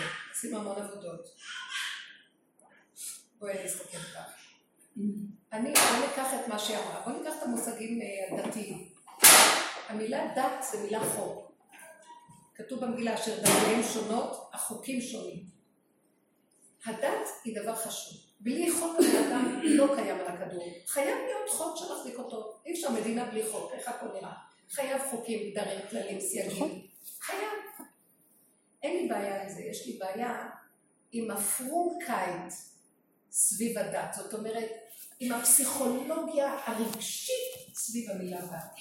התחושה שאני חייבת להגיע לאיזו מדרגה, שאני מחויבת, הסערה הרגשית, החרדה הכפייתית, הרצון למדרגות, הקנאת נשמרהו, זאת יותר צדיקה ממני, זה, זה המידות מקולקלות, וזה תודעת עץ הדת רוכבת על הדבר הזה, וממיתה אותנו, ואנחנו חושבים את עצמנו שאנחנו מה זה צדיקים, ואין כאן השם בכלל, יש כאן חוקים שרוקנו מהם את הכוח האלוקי.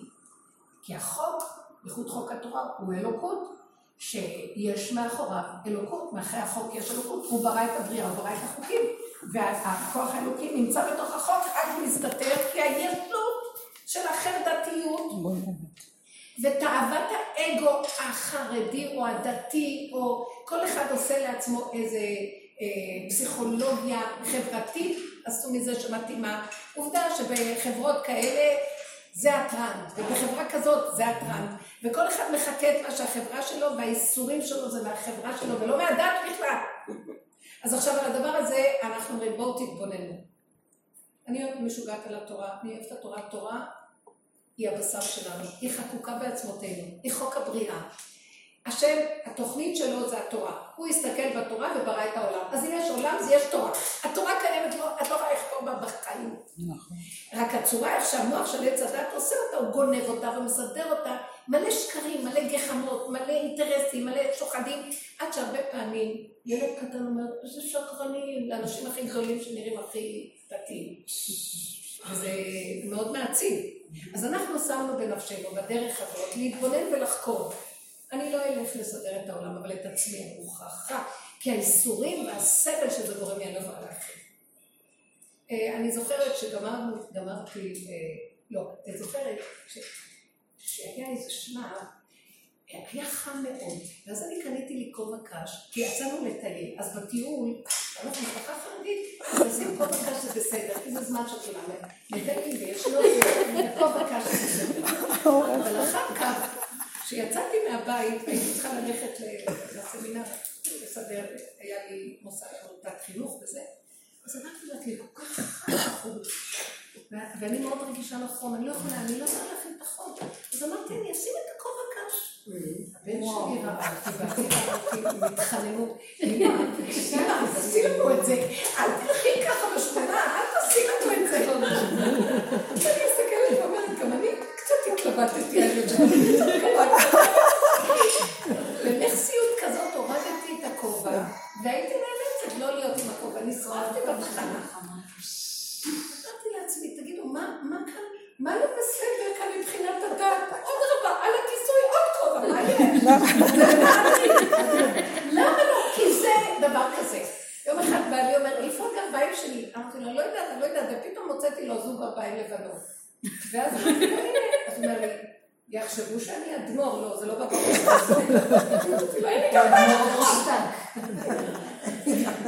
בקיצור, אני זה חברות שמקובל, ככה מקובל, לא שינו זה, לא שינו זה. העולם בנוי. בגלות אחזנו ולא שינו לבושה. חיל חיל, הרבה חילות. אבל לא שינו לשנו, אנחנו אחוזים ותתפסהו בבגדו. אחוזים בבגד, והדבר העיקרי הלך לאיבוד. אז רגע, הבן אדם במצוקה, עיקר הבגד, תלוי על קולה וזה בסדר גמור. יום אחד הבן אדם יקום וקמים ואומרים, אני כופר בדבר הזה, אז ילדים מוצאים את התורה, חס וחלילה. חס ושלום. כי הם רואים את השקרים של המבוגרים. אפשר לקיים את התורה גם עם כיפה מצורה כזאת, וגם עם ציציות ככה, וגם אם זה ילך עם ג'ינס, וגם לא יודעת מה כבר. אנחנו מאבדים את נקודת האמת. ואז אנחנו הולכים, נכון, אני בעד שיישארו שחור לבן. גם אני, אבל אה, יש... זה מכובד. כן. אבל עזבו, זה כבר לא הנקודה בכלל. הדור האחרון, דור המלכות, דור הגאולה, הגאולה לא תבוא מזה, זה היה בגלות. שלא נאבד את היהדות בתוך כל האומות. כי החיצוני, האומות חיצוניים, גם אנחנו חיצוניים, אז זה לעומת זה דומה ודומה. אבל לקראת הסוף, רק האחדות תביא גאולה. זה לא אותה כיפה, זה לא האחדות החיצונית. אותו זקן, אחדות אותה. כיפה. זה הנפש. אחדות הנפש דורשת שאני אתאחד עם המציאות של הפגם שלי. הכוונה, אני אקבל את השקר שלי ואני אראה, אני שקרנית, זה לא הם הבעיה שלי. נכון, זה אני. עכשיו אני ראיתי, ביום אחד, יום אחד יצאתי הכובע הזה. אמרתי, אני לא יכולה להכיל. אין אף אחד פה.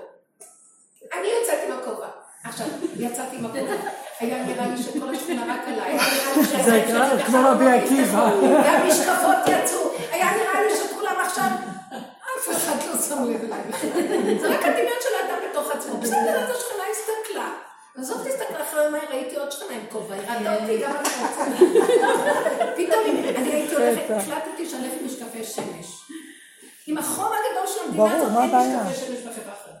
התחלתי להוציא משקפי שמש, כי אני הרבה בחוץ. ואז ראיתי נשים התחילו לעשות משקפי שמש. פתאום הכל עולה וכולם עושים, אז כולם אומרים בסדר. עכשיו, מה רע בזה? יהיו אסכולות שיגידו משקפי שמש, אז לא עולה. מה, למה? לא יודעת. זה מעניין.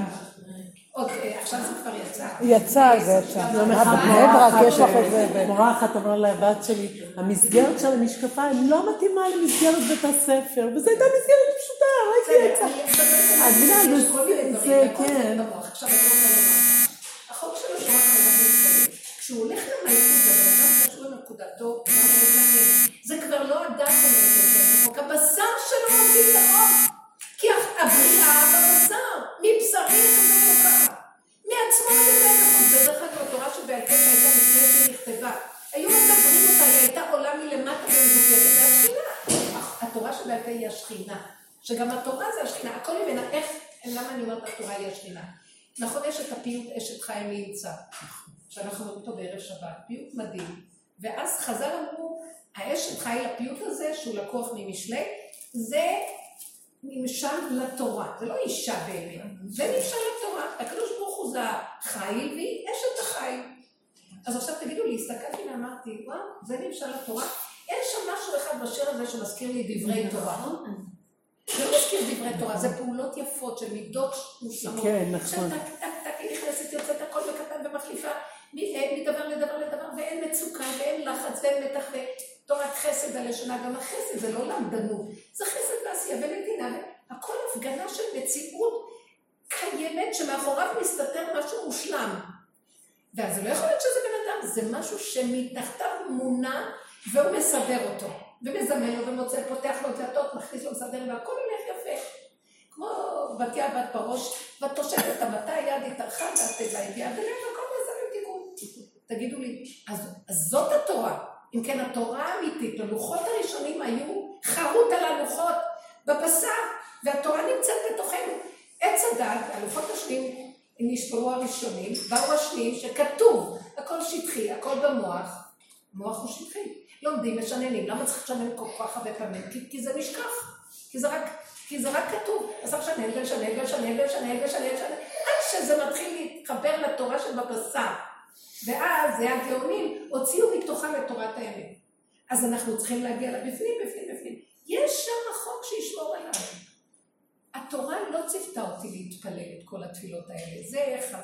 זה מדרבנן שנתנו תיקון לגברים, שזה כנגד שלו, שתי הקורבנות, אה, שחרית ובין הערביים, והערבית היא רשות שהיא איתם גם כן קיבלו על עצמה, שזה כנגד הפדרים שהיו מתעכלים על המזבח כל הלילה, של השיריים של כל הקורבנות. אז בסופו של דבר האישה קיבלה על עצמה תפילה כזאת או כזאת, שלוש תפילות, לא חשוב מה. ובאיזשהו מקום אני אומרת, הפכו את זה למין חוק, שעכשיו נדחה האמת מפני איזה דבר שהוא לא מחויב. אז מה עיקר ומה טפל פה? אם אנחנו לא נדע לעשות את השקלול הזה, אז יש לי קו מנחה במלכות, הוא אומר לי, המצוקה שלך מראה שאת לא באמת. כי כשאת הולכת עם האמת זה שבת, אסור בשבת מצוקה. הכל שובת ונעשה מאליו, אין למתת מלאכות, הכל נעשה. כי יש בבריאה כוח שמפעיל. למה למתת מלאכות במשך השבוע מותר ובשבת לא? כי תודעת עץ הדת מפעילה אותה. כל השבוע גם כן השם עושה את הכל בעולם. אבל האדם, יש לו רשות להרגיש שהוא הפועל, גנב.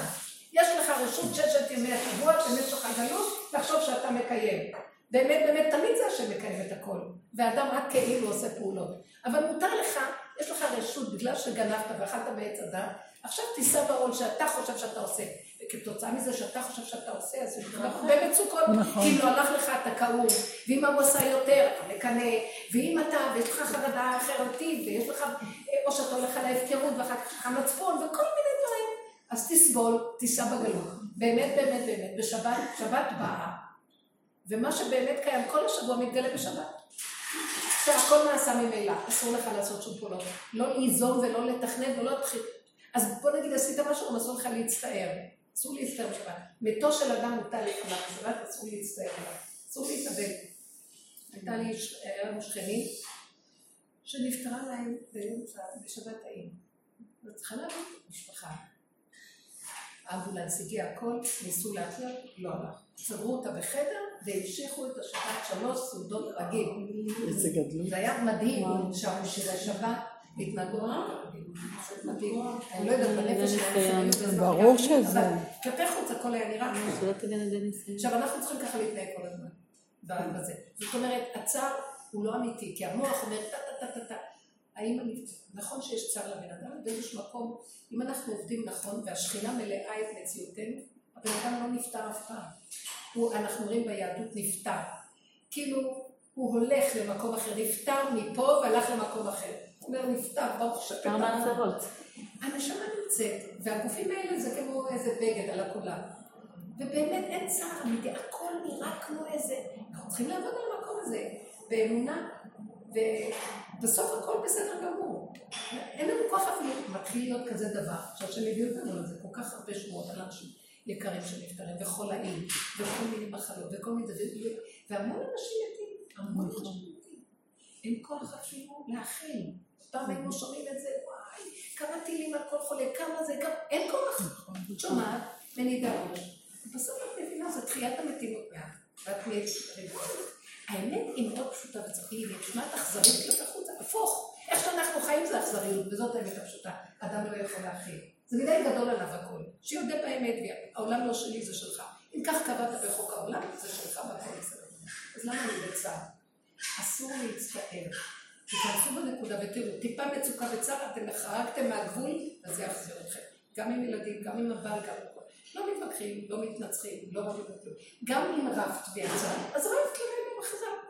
הכל רגע, תחזרו ליסוד. גם שם, זה אין שליטה בנקודה הזאת. אני ראיתי אחרי כל כך לא הרבה זמן. טוב, מה? אני אומרת, גם שם אין שליטה בנקודה הזאת, אחרי כל כך הרבה זמן שברוך השם הוא שומר אותי, פתאום היו לי עכשיו כמה ימים, איזה כעסים, איזה... רגע, מה רגע. קורה? אז אני אגיד לך משהו, אל תשאלי מה אבל אמת, גם שברוך מלכות השם אין שאלות. יצאתי, יצאתי. לא, כשזה נגמר ונגמר. נגמר. אבל זה היה ארבעה ימים. לא נורא. הרבה ימים זה. אחד בתוך הזמן הזה. כל היקום. הזה, מה קרה? אין כלום. עשית כבר המון עבודות. עשינו עבודות נשחקנו. העבודה שלנו, אני אחזור אלייך, כי התחלנו עם השאלה שלך. אנחנו בעבודה שלנו אומרים ככה, הכלל הוא כלל כזה. אם אנחנו רוצים לחזור ליסוד המלכות, אנחנו צריכים לדעת שאנחנו חיים בתודעה שהיא גורמת לנו את כל האיסורים והסבל. אנחנו קוראים לה תודעת עץ הדת. שיש בה גדלות, יש בה גניבה, היא רשות הרבים, יש בה המון אפשרויות ובלבולים וספק כתוצאה מזה, והבן אדם לא יודע ותמיד צריך להתלבט ולא כלום.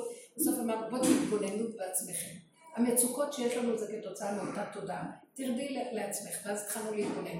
זה לא השני הבעיה שלי שמרגיז אותי, זה אני מתרגזת. יש בתוכי משהו שכל דבר קופץ, כל דבר מגיב, כל דבר יש לו מה להגיד. אז תתבונני בדבר הזה, הוא רק היה המראה והמקל שמאפשר לך לראות את יסודך.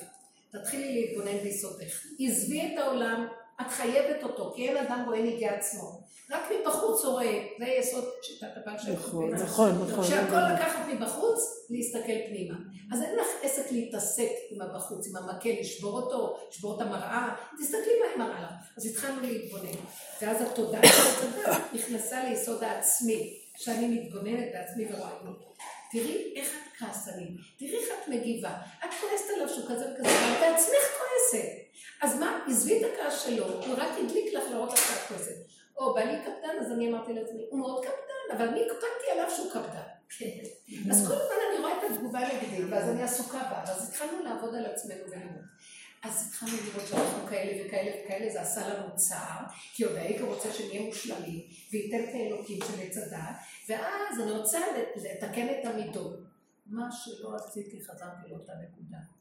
ואיזה כאבים היו לי, כמעט השחטתי. אז ביקרתי את עצמי, ושפטתי את עצמי, ודנתי את עצמי, וראיתי שהעצמי הזה זה חוקים, שכל עוד אני בעולם, תמיד זה יכאיב לי. אני עומדת מול אותו בעל, זה תמיד ירגיז. מה שאני לא אעשה, טוב, אז עשיתי, טוב, אז תתעלמי, אז תברכי, אז כל הטריקים לא עזרו, כל השטיקים לא עזרו. הגעתי לנקודה, עוד פעם מתפוצץ. ואז אמרתי לעצמי, אני כבר מתה, לא יכולה. אז היה לי ייאוש, אז בא רב אושר ואמר בדרך הזאת, ייאוש אסור, אז אל תתייאשו חלילה. אני אעזור לכם לכם, שהצדיק אמת עוזר, אין לו מה לעשות לפעמים, רק בסופו של דבר רק להחזיק את הבני אדם שלא יתייאשו. כי תודעת עץ הדת היא מעוות לא יוכל לתקון, כמו שאומר קהלת, לא נגמרת. אז אין לנו כוח לעבוד עליה, היא לא נגמרת. אתם יודעים מה? בואו נראה לכם איך תרדו ממנה. תשלימו, תשלימו עם עצמכם, תשלימו עם כל הבלבול שלכם. עם השני כבר עזבנו אותו, נניח, כן? תשלימי עם עצמך שאת כזאת, שאת גרועה, שאת... זה לא גריעות, זה ככה התוכנה הזאת, היא מקולקלת. זה יעשה, את תגידי, זה גירוי תגובה, הכל שטחי, הכל יוצא. והכוחנות של הגדולה היא לא נגמרת. כי המוח הזה מפמפם זריקת אדרנלין שנותן כוח, ואין כוח בכלל דרך אגב. במלכות איפה שאנחנו יורדים, יש חלישות תמידית. הכל קטן ואין כוח כמו שפה. אז אני שמה לב שהכוח בעצם שהיה לי קודם, הוא רק מהתודעה, הוא לא באמת כוח כוח. אין כוח. רק התודעה נותנת כוח. את רואה בן אדם קטן לפעמים, כל כך מלא כוחנות, איך קטן כזה יש לו כוחנות כל כך? זה התודעה שלו. גונבת מלכות. תלוי מדרגת הגניבה. אז בסופו של דבר, מה זה גונבת? עכשיו אנחנו עובדים על המקום של בוא נשלים מה שאנחנו, בוא נשלים. אז אני כזה. אז זו עבודה בפני עצמה מאוד גדולה. אל תישברי מתוקה, כי ככה זה. אז עכשיו את הורדת את הכוח ממנו, וזה את. אז זה את, הגענו למקום של צמיחה של הישות. כי כתוצאה מזה שאני מתבוננת כל הזמן, משהו מחליש. ההתבוננות בדבר, בפגם, קראנו לזה הפגם, הטבע המקולקל, מחליש. מה זה הטבע המקולקל? הטבע לא מקולקל, אבל שהתודעה של עץ הדעת, השקרית הזאת, שהיא מפגיזה לך כל כך הרבה הסברות, והבנות, והשגות, וכותרות, זה רע, זה טוב, זה זה. אם את מסתכלת על הטבע, היא גומרת עליו, היא מגדילה אותו. פעם אני הגדרתי את היטלר כנמר. אכזר, שהייתה לו תכונה אכזרית. היטלר היה אכזר, כמו נמר. אבל מה? היטלר היה בן אדם ונמר הוא נמר. נמר יכול להרוג אחד ברגע. הוא הרג 50 מיליון אנשים בזמן כל כך מועט. זה לא נורמלי. בגלל התודעה של העמלק, של עץ הדת שיושבת לו. זאת אומרת שהאדם הוא נמר יותר מסוכן בגלל התודעה שלו. ולכן התודעה לא גורמת לתוואים. אז הבנתי, בגלל התודעה, תרדי מהמוח. הטבע שלך רק בגלל המוח כזה. תורידי את המוח, מה זה תורידי את המוח? התחלנו, המוח התחיל להיות קטן, קטן, קטן. התוואים, פתאום אני רואה לי כמו ילדה קטנה שנולדתי עם תוואים כאלה, הם לא השתנו, וזה בסדר גמור, זו השכינה, שזו הצורה שלה. לך יש שכינה כזאת, זו כזאת, לפי הכלים, פרצופיהם אינם דומים, וש... הכל בגדר קטן, הוא פועל בקטן כמו ילד קטן, שיכול לעשות משהו, הוא לא מקלקל בגדול. הוא יכול לעשות קטן וחוזר, קטן וחוזר, אחרי רגע הוא שוכח ונגמר ככה אנחנו מתחילים להיות. יוצא שבעצם הכל זה התודעה הזאת. אז השלמנו, קיבלנו, התמעטנו, נחלשנו, נהיינו קטנים כמו ילדים קטנים. ילדים קטנים אין להם כוח כמו אנשים מבוגרים, כי אין להם דעת גדולה. ואז אני באיזשהו מקום מסכימה שזה מה שאני, ואני אומרת לשכנה, שם תשמרי עליי, כי אני בחוק שלך. תינוק שנולד והוא קטן, ילד קטן, מול עולם כזה אני לא מוכנה להכניס את המוח שלי. החיים נראים אחרים לגמרי. את חיה בתוך הנקודות שלך, התפקידים שלך מתמעטים מתוך זה. יש איזו יד נעלמה שמסדרת לך בצורה שאת אפילו לא מרגישה את הפעולות. והכל נעשה עולם כמנהגו ראה, תקשיבו, ביי, ביי, מגיעים אליי המון אנשים, אין לי כבר כוחות בכלל, אני לא מבינה איך הדברים נעשים, אני לא קולטת, לא, לא רוצה גם לקלוט. ולפי הסיבות, פתאום סיבה כזאת, סיבה כזאת, סיבה כזאת, והפאזל מסתדר, משהו יד נעלמה מסדרת אותו. זה השגחה כמו הקודמת פה. ככה מקיימים את המצוות, ככה מתפללים, ככה, לפי הסיבה קרוב, כי קרוב אליך הדבר מאוד. בפיך ובלבבך לעשותו. לא בשמיים, לא מעבר לים, לא בארץ רחוקה. זה אנחנו רואים בפרשת ניצבים שזה סוף החומשים. לקראת הסוף. אנחנו נמצאים עכשיו לפחות בפרשת ניצבים, אם לא כבר יותר קרוב. אין לנו כבר כוח. ניצבים וילך. זהו, וילך משה בסוף התורה. אין לנו כבר כוח. זהו, נגמר.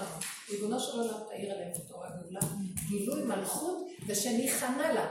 מי שמגיע למקום הזה, חייב הכנעה. הוא לא יכול ללכת בכוחנות, כי חוק המלכות לא תקלוט אותו. אבל אני, אין לי הכנעה, ישות היא מאוד גדולה פה. אז החולשה מביאה לי את המקום הזה. אני בעל כורחי חייבת אין לי כוח. אין לי כוח. אני אומרת, טוב, אני מסכימה, הסכמתי. אתם יודעים כמה רבתי עם זה שאין לי כוח? דווקא אין לי כוח. פחדתי מזה שאין לי כוח. פתאום אני מחפשת איפה אין לי כוח, ואני רצה לשם הראשונה. אין לי כוח. ואני רואה שדברים נעשים, אין לי כוח. ודברים נעשים. זה לא שאין לי כוח, אין לי תודעה של הצדד ש- שמפגיזה לי את המילה כוח וגונבת אדרנלין. אנחנו שלודים, אנחנו עייפים מאוד מאוד. אנשים עודף בכדור הארץ מאוד חלש חיים. הוא רץ על איזה אדרנלין לא נכון. עכשיו תשאלו שאלות, יש לי מלא תשובות. זה זה בריא להגיד אין לי כוח, אז לא יהיה לך כוח. זה בריא להגיד אין לי כוח, אז לא יהיה לי כוח. לא, אני לא אומרת את זה בחוץ. אני לא אומרת את זה לתודעה של לא, הצדד, לעצמך. כזה. אני אומרת את זה, סליחה? את אומרת לתודעה שיש בה, סתם, אני יודעת שמצלמים את זה. את אומרת את זה לתודעה של הנפש. אין לי כוח. ככה אנחנו אומרים, אין לי כוח. ואז היינו אומרים, אז תגיד, אז תן לי כוח. היום כבר אני לא אומרת, אין לי כוח עלייך. אני יורדת מהכוח הזה, ואני באה אליי השכינה הקדושה, אני אומרת, אני מדברת לעצמי כדבר לי של היום. בלשון נקבה, זה נהיה לי משהו, אני מרגיש משהו עוטף אותי, ורק מחכה שאני אדבר איתו, זה הוא מדבר מהפה שלי בעצם. קשה לי, אני אומרת לו דבר של אמת לאמיתה, זה לא איזה, אין לי כוח, מה אני יוצאת כל כך הרבה מה לעשות? אומרת, אין לי כוח, וגם אין לי כוח שיהיה לי הרבה מה לעשות. זה דמיונות. אם בן אדם אין לו, אז הוא יכול לעשות רק מה שיש לו, זו האמת הכי גדולה. אז למה יש לי חרדה? זה שקר. כי אם אני עכשיו שם אותי פה, וזה, ואני כלואה פה, יש עליי טענה? המוח יגיד, מה את עושה? תלך לעזאזל. צריך לחתוך אותו, הוא שקרן, הוא מביא אותנו לכל העסק. כל פעם שיש לכם מצוקה זה מהמוח. אני רוצה שנייה, כן. במקום הזה של כוח. היום אה, שני הילדים שלי, דוד ויונתן, אז הם לא הלכו לבית ספר, כי אין להם כוח. וזה אחרי שכל יום אני מעירה אותם, והם אף פעם לא רוצים ללכת, ודודי הוא ממש יכול לבעוט, ותעזבי אותי, העולם הזה, אני סובל פה, כאילו ככה הוא מסכנים, ככה. מסכנים.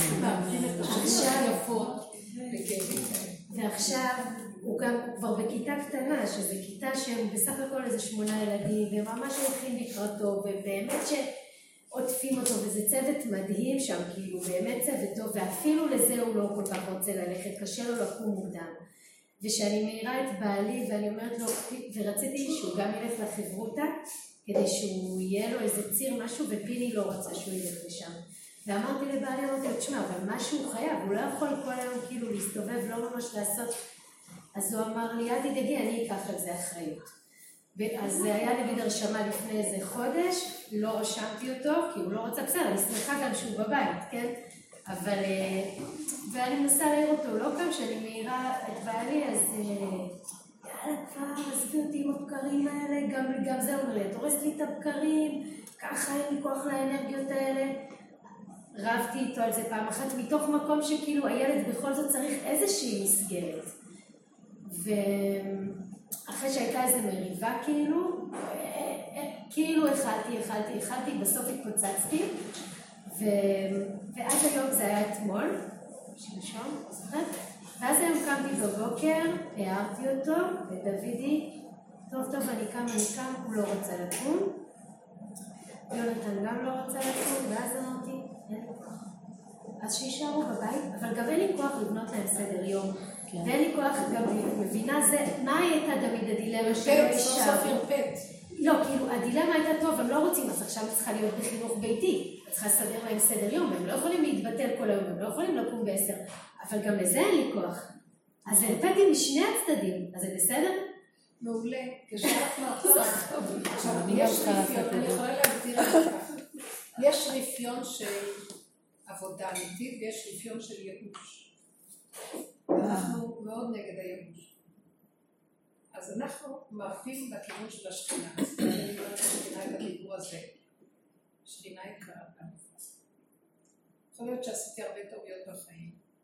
מלכתחילה אני, במחשבה הפשוטה, אני אגיד לכם מה אני חושבת, כי אנחנו בכל אופן נמצאים בכדור של תודעת עץ הדת. נכון שאנחנו עכשיו מגלים כדור חדש בתוכו. תודעה חדשה יורדת לעולם. מתגלה. אבל באמת בתודעת עץ הדת התוכנית היהודית היא תוכנית מאוד טובה. שמגיל קטן מאוד מוציאים את הילד מהאימא ושמים אותו בתוך התורה. הוא צריך להיות תחת החוק הזה. למה? כי במילא החוק של תודעת עץ הדת הוא חוק משוגע. אבל חייבים לתת לו גדר, גבול ומידה. זה כבר כל החכמים בכדור הארץ יודעים.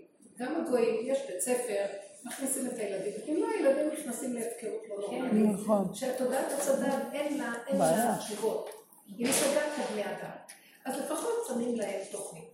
אז התוכנית היהודית, כנגד להבדיל אלפי הבדלות, כמו שיש תוכנית של אומות העולם, של השכלה, אז יש את ההשכלה היהודית. ואז מכניסים אותם בסדר. והאימא, במקום הזה האימא זזה, היא לא מפריעה. היא נותנת בצד, אם זה בנים, לכוח של הזכר והנים. התוכנית הזאת, אני ראיתי שזו תוכנית. נכון. אז הילדים מוכרחים עכשיו. מה שקרה בתוכנית הזאת היא גם התקלקלה. הכניסו אליה כל מיני מוטיבים של תרבות העולם, השכלה. כל מיני דברים וכל מיני שיטות ומורים לומדים. ו...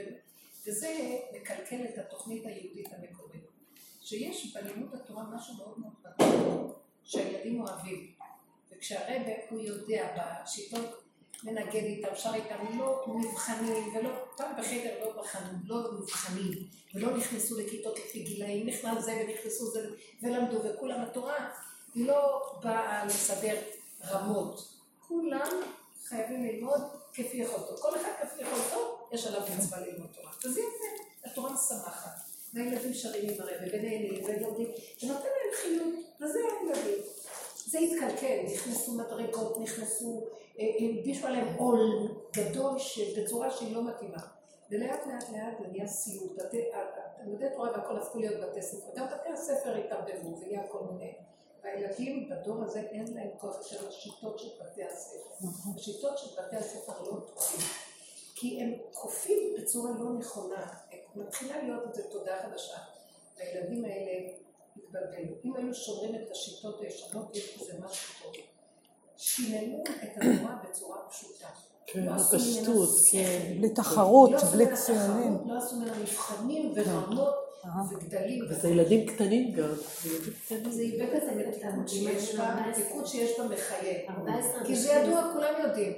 ברגע שנכנסים למתיקות של התורה, לא רוצים לעזור אותה. נכון. כי זה כמו שאנחנו, השכינה מתגלה. היא אוהבת, והילדים אוהבים אותה, וטוב להם. נכון. אנחנו משחקים, וכיף להם. עשו אותם, לא יודעת, הכניסו בהם את הרעם של ההלכה. טוב, בסופו של דבר, מה שאת שואלת, זה המקום. כרגע, במקום הזה את לא תוכלי להילחם עם הנחה של עץ הדעת. לא תוכלי, לא תוכלי. לא תוכלי. גם אנחנו, בתוך העולם שיש בו סדר כביכול של לימוד כזה, כבר זה נכנס גם לישיבות הכל ממורמרים, ילדים ממורמרים, לא טוב להם. משהו לא טוב, כי העולם רוכס סביבם ומבלבל אותם. כל המכשירים האלה נכנסו, כל הזה. אה, הם לא יכולים להכיל אה, את הכללים שאנחנו רוצים בסתרים האלה, כשהעולם בחוץ בכלל להתפרק. אז אין לך סיכוי בכלל. במקום הזה אני נכנסת לדלת אמות ומוסרת לו את המלחמה, ואני אומרת לו, אתה נתת תורה, תתגלה אתה בתוך התורה. אתה נתת לי את הקיום פה, תתגלה בתוך הקיום שלי. זה התפילות של השכינה היא מבשרי לבשרי. אני גבולית, תגיעי לגבוליות שלך עכשיו. זה מפחיד אותנו, אימא היהודייה, התפקידים שלה, ואנחנו הולכים, אנחנו אומרים, אה, מי הוא יהודי לפי האימא? כי יש לה אחריות שהיהדות עליה. אז הלבישו עליה אחריות מזעזעת. אני גם את האחריות הזאת פירקתי. ואמרתי לו, מי הוא יהודי זה האחריות שלך, אין לי כוח. לא, אני הולכת למות. אני לא יכולה. כי מילא עד שגידלתי את שלי, עכשיו הנכדים שלי, אני צריכה לדעת כי הוא יהודי על הנכדים. מלבישים עלינו, לא סתם, זה ממשלת הדור. וואי וואי. לא יכולה. אני יכולה מתוך אהבה וחיבה להקרין להם שמחה וטוב לבב, תיכנס לתוך התורה ותפריח להם את השממה. בלי החרדות, בלי... אין! אנשים, היום גם האימהות, אין להם את הכוח שהיה פעם. יש רק חרדתיות. הקיצור, החרדתיות הזאת מכלה כל נפש. נזיבת עיניים מכלה נפש. ולכן, עיקר העבודה שלנו במקום הזה, להיכנס לתוך עצמי עם תפילות פנימיות. התפילות מופנות מבשרי. אני חלשה, אני עייפה, אין לי כוח. גם אני רוצה להיות ילדה קטנה שקמה בבוקר, ואני צודק, איזה מין בוקר זה מעצבן, כל בוקר כזה. חיים נהיים זוועה, בגלל שמשרד החינוך החליט, בגלל שככה המסגרות נראות, לא יכול לקבוע את זה, אני רוצה. אנשים מתחילים ללמוד בזה, לא רוצים. אז גם את תיכנסי לדלת אמות. ברגע שאת נכנסת לדלת אמות, יכול להיות שיש איזה משהו שישתחרר והם יתחילו להתבונן בעצמם. כמו שאת קשורה עם עצמך, גם הם יתחילו להיות קשורים, ותבוא להם ישועה מצד השכינה שמתוכם. השכינה תיתן תקומה, אין תקומה יותר לעם הזה מהמוח. אין. גם לא המוח של התורה לא יביא תקומה, המוח שהתורה נכנסה אליו. כי השתעבדת בתורת עץ הדת. גם התורה נכנסה, כל הזמן הייתה בעץ הדת, אבל היו גדרים אחרים. היום יש שם הרבה גדלות, הרבה גם, גם מורים מעצבנים את הילדים, כי הם, הילדים קולטים שהם לא אמיתיים, הם באים עם שכל של תורה ומשתמשים עם מידות של תודעת עץ הדת. תודעת עץ החיים בשכל, שכל של עץ החיים, אור של עץ החיים, אבל מדברים יפה וחיים לא מתנהגים כמו שהם. אז יש להם סתירה והם לא יכולים לסבול, לא יכולים לסבול את החיים. ילדים, תדעו לכם, הכי סובלים. כי הם חסרי אונים, מצד שני מלבישים עליהם את כל הקלקולים של ה... הם רואים את הכל ולא יודעים מה אנחנו צריכים אותם. אז הם מאמצים אותם. אבל מה אני תעשי? אין, אין מה לעשות, אני גם הפלנטר הזה. אני כל הזמן מבט שלי. אני מוצאת את עצמי אתמול מדברת עם היועצת, ואני פתאום מרגישה כמו הילדה שהייתי פעם קטנה, ואני רואה את השקר של העולם, והיא המבינה. היא אומרת לי, אבל צריך, וזה, אני אומרת לה, תקשיבי, שובה בית זה עונש בשבילי, אני לא יכולה סיוט. לא, זה מערכות מאוד מאוד קשות. אני אומרת שברגע? שאת נכנסת- אני מה שאני מציעה, תיכנסו. ליסוד, עכשיו נפתח המקום הזה, יסוד אני הנפש, מדברת עם הקדוש ברוך הוא. השכינה, ולדבר איתה, ולהגיד, אבל גם אני ילדה קטנה, תרגישי את הגבוליות שלך, תרגישי את הקטנות. תרגישי את האין אונות, את ילדה קטנה, תרגישי את הילדה הקטנה שלך, אל תהיי אימא. בשלב הזה נגמר האימא. אימא קשה, מרירה, שיש לה תפקיד, שהיא חייבת, היא מקלקלת עוד יותר, כי היום זה לא יעבוד. לכי לילדה הקטנה שלך, דברי לשכינה, אבל תחי חיים טובים ואת זה הילד יראה. כשהילד רואה שאת חיה חיים טובים, את אמיתית עם החיים שלך, הוא יקבל ממך מילה. אז, אז הוא יקבל ממך שבסופו של דבר אנחנו חייבים שיהיה לנו איזשהו סדר טוב ושאנחנו נעשה דברים שהיהדות רוצה מאיתנו. הוא יקבל את זה אז היה לי דיבור. רבנית, היה לי דיבור אחר כך, ואמרתי, אבל אני לא יכולה לשנות בבית. לא רק בגלל שאני- גם בגלל שאני יכולה סדר יום, אבל גם יכולתי סדר יום. אני צריכה את הזמן הזה. זהו. זה הזמן שלי, הבית ספר, זה בשבילי. תעשו דברים בבית שאתם נהנות ואוהבות. שהוא רואה אותך קוראת משהו שאת נהנית, את זה הוא קולט, שאת נהנית בלימוד שלך. שאת מכינה אוכל ואת נהנית, את זה הוא רואה. שאת עושה פעולה בהתנגדות ומריבה, את זה הוא רואה. זה הפגנה של אמת. הפגנה של דת של אמת בתוך מידה וקיום. מעשי. זה דבר גדול בחינוך, זה עיקר החינוך. אחר כך הם גדלים לבד, להשלים חומר הם יכולים היום בכלום. היום בני 15 יכולים לעשות תארים אקדמיים, נכון? בכלל זה לא הבעיה בכלל. ולהבדיל, אנחנו בתוך עולם התורה יכולים להתפתח. ילד יכול לקחת גמרא וללמוד, ויכול לשבת שעות עם הטוב ולהתפתח הרבה יותר טוב מאשר בכיתה. אז יש המון מצבים שאנחנו, האימהות צריכות להקרין את השמחה, את הרביעות, את המתיקות. ואני אגיד לך את האמת, זה נראה כאילו אין לי יראה.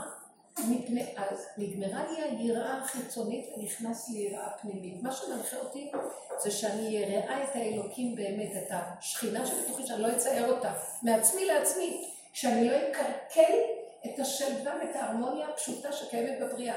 ואליה אני מדברת, נכון, נתת לי תפקיד בתור אני איתך, אבל יש לי גם תפקיד כאימא. תיכנסי בתפקיד הזה, תולי, את מוליכה את התפקיד, השכינה מוליכה את התפקיד של הבן אדם, לא הבן אדם מסדר תפקידים. נתת לי תפקיד, תיכנסי בתוך תפקיד, תעזרי לי, אבל לא, לא במרירות. כשאני הולכת בגבול הקטנות ונרגעת, אני בוטחת בה, והכל נעשה מאליו. אתם לא מבינים איזה זהו. ישועות יש, וקטן ומתוק, ועולם כמנהגו נוהג, כי השכינה רוצה עולם. היא בעולם פה, היא לא בשמיים. טוב, נמות וגמרנו. נהיה בהפקרות על הערים, נלך למדבריות. לא. אלף פעם רציתי לברוח למדבריות, לפרק את הכל. לא, אמרתי, בתוך העולם, בתוך המשפחה, בתוך המסגרות, ושם יתגלה השם, ויפרק את השקר, מחיית עמלק, והיה כלא היה, וגילוי מלכות השם לפשטות. עולם כמנהגו נוהג, הרמב"ם אומר, ימות המשיח, עולם כמנהגו נוהג. הכל יהיה כרגיל, אבל מתיקות. איש תחת גפנו ותאנתו, בגבוליות הנכונה, ולא יהיה את השנאה והכעס, לא התודעה וההבלים שלה, הרעל של הערש של עץ הדת, נחש, לא יכולה. לא. זה יהיה נחש מתוק. איפה יש לו נחש, בסדר, גם חלק פה פה הטוב שבהם רוצץ ראשו. סיימנו את. דיברתי המון, דיברתי המון. ממש יפה, ממש. דיבר. אז זהו, לא מקליטים יותר? חלמתי עלייך לפני כמה ימים. חלמתי שאנחנו בכיתה, וזה ממש נראה כמו כיתה, ואת מביאה לנו מתנות. עכשיו, לכל תלמידה את מבינה, את מביאה כמה פריטים. חלק מהפריטים זכרתי שזה סידור, תהילים, ארנק, כסף, כסף. ועוד ועוד שני פריטים שאני לא זוכרת. חכי, תקשיבי, אבל על הפריטים היה תמונות של המשפחה שלי, אם הבאת לי, אז על הפריטים היה תמונה של, תמונה משפחתית, זה יופי. וכל אחת עם התמונה המשפח, תמונות המשפחתיות שלה, נתן פשוט המשפחה שלנו, זה מה שיש לנו. אבל, נוס, אבל, אבל נוסף לזה עוד משהו שהוא היה מחויב למתנה, שזה אה, עטיפות. לכל פריט כזה היה גם עטיפה עם סמל של הדרך, איזה יופי, מה? ואני לא זוכרת איזה משפט היה משהו כמו ככה, זה איך שזה, או משהו כזה, החלום הזה תביא לי אותו. אוקיי? לא, הרבה תלמידות שהן חולמות, ואני רואה שיש שם נקודה, תביא לי את זה, זה חשוב. ואני זוכרת שאת אה, מאוד התרגשת, ואת מאוד התרגשת להביא לנו את זה, זה היה מתנות שהבאת לנו, ואמרת לנו שבו, שבו, שבו, וזה היה מדהים, זה היה, עכשיו אני לא יודעת מה זה אומר, אבל כאילו זה היה חלום מאוד יפה. מה המתנה שאתם בדרך, והטבע כמנהגו נוהג, כל אחד תחזור למשפחה שלה, אין לברוח. כן, יש סידור, יש לי. אין לאן לברוח. יפה. אותם ילדים אותו הכל, אבל. זה עטוף בדרך, כן. ויש בזה גם ארנק. כן, זאת אומרת, יש גם שפע וברכה, והמלכות צריכה כסף, כן, כי בעולם היא הארנק של הבית. יפה. היא צריכה לקנות, לעשות, להוביל. זה היה חלום אבל מדהים. בלי הלחץ הנוראי הזה, אני גם כן נכנסת, אין לי כוח כבר, זה וזה, אז מאיפה אני ארוויח ואיך אני אעשה? רגיל. רבא תרגיע אותי, תכניס את המוח למקום של הבשר כאן ועכשיו, ולא חסר דבר בבית המלך. בבית המלך, כנסי למקום. העטיפות היו מחויב המציאות למתנות האלה, כאילו המתנות בלי העטיפות לא שוות כלום. זה הייתה, זה היה הקטע בחלום, מדהים, וזה היו מתנות מדהימות, כאילו, אני נכנסתי עם הרגשה מהממת. זה המשפחה, את לא יכולה לזרוק את זה. לא יכולה לזרוק את העטיפה ולהגיד, אני לעצמי וזהו. הנה, אני לעצמי במלכות, רוצה לעצמי, אבל חוץ מזה יש לי גם תפקיד. והתפקיד שאני אחיה את העם רב שאיתי. אבל לא אני, אני, זה מאליו חייב להיות. כן, זה כל כך יפה החלום. איזה יופי. את היית יפה בחלום גם, לא אני. זה מותק מקסים.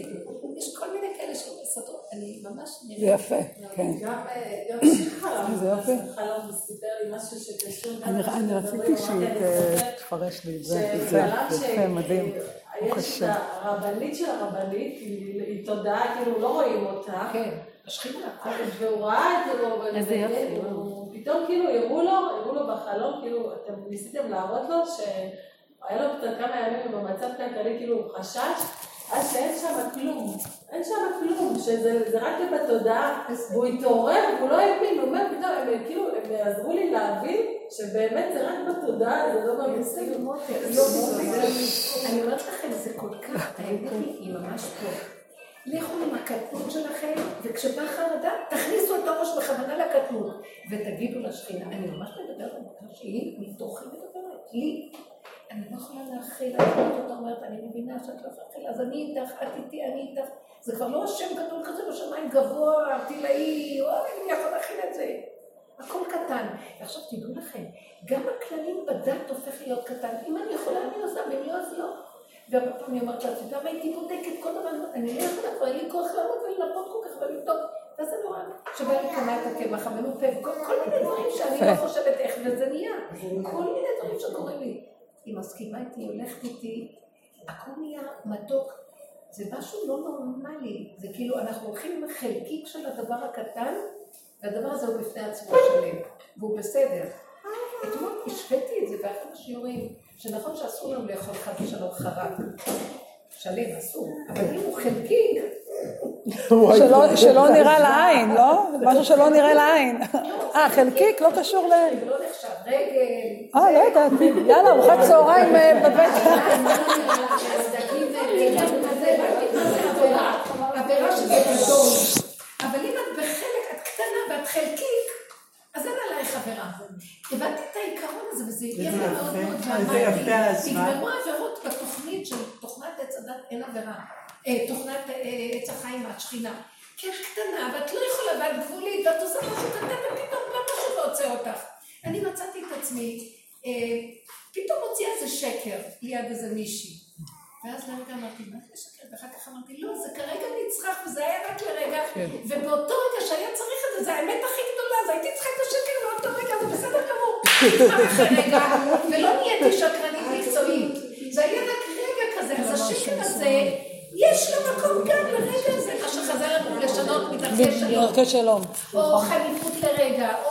ופתאום הכל חוק השאלה הוא אמיתי, הוא קטן. כתבה את זה בעלון, כתבת את אבל איך בכל זאת? חבל שהפסקת את השיעור. לא, תמשיכי. עכשיו, זה דבר טוב מה שאמרת. יש לי את זה, אני עדיין מקליטה פה, אז אולי אני אעביר לה את ההקלטה ואז... כן, תמשיכי את הכל כאן. כן, אני מקליטה רגע. זה אז תחברו את זה פה. בסדר, היא תחבר. זה כן, עם התמונה זה הפסיק. אה, אז את ממשיכה להקליט, אפרת?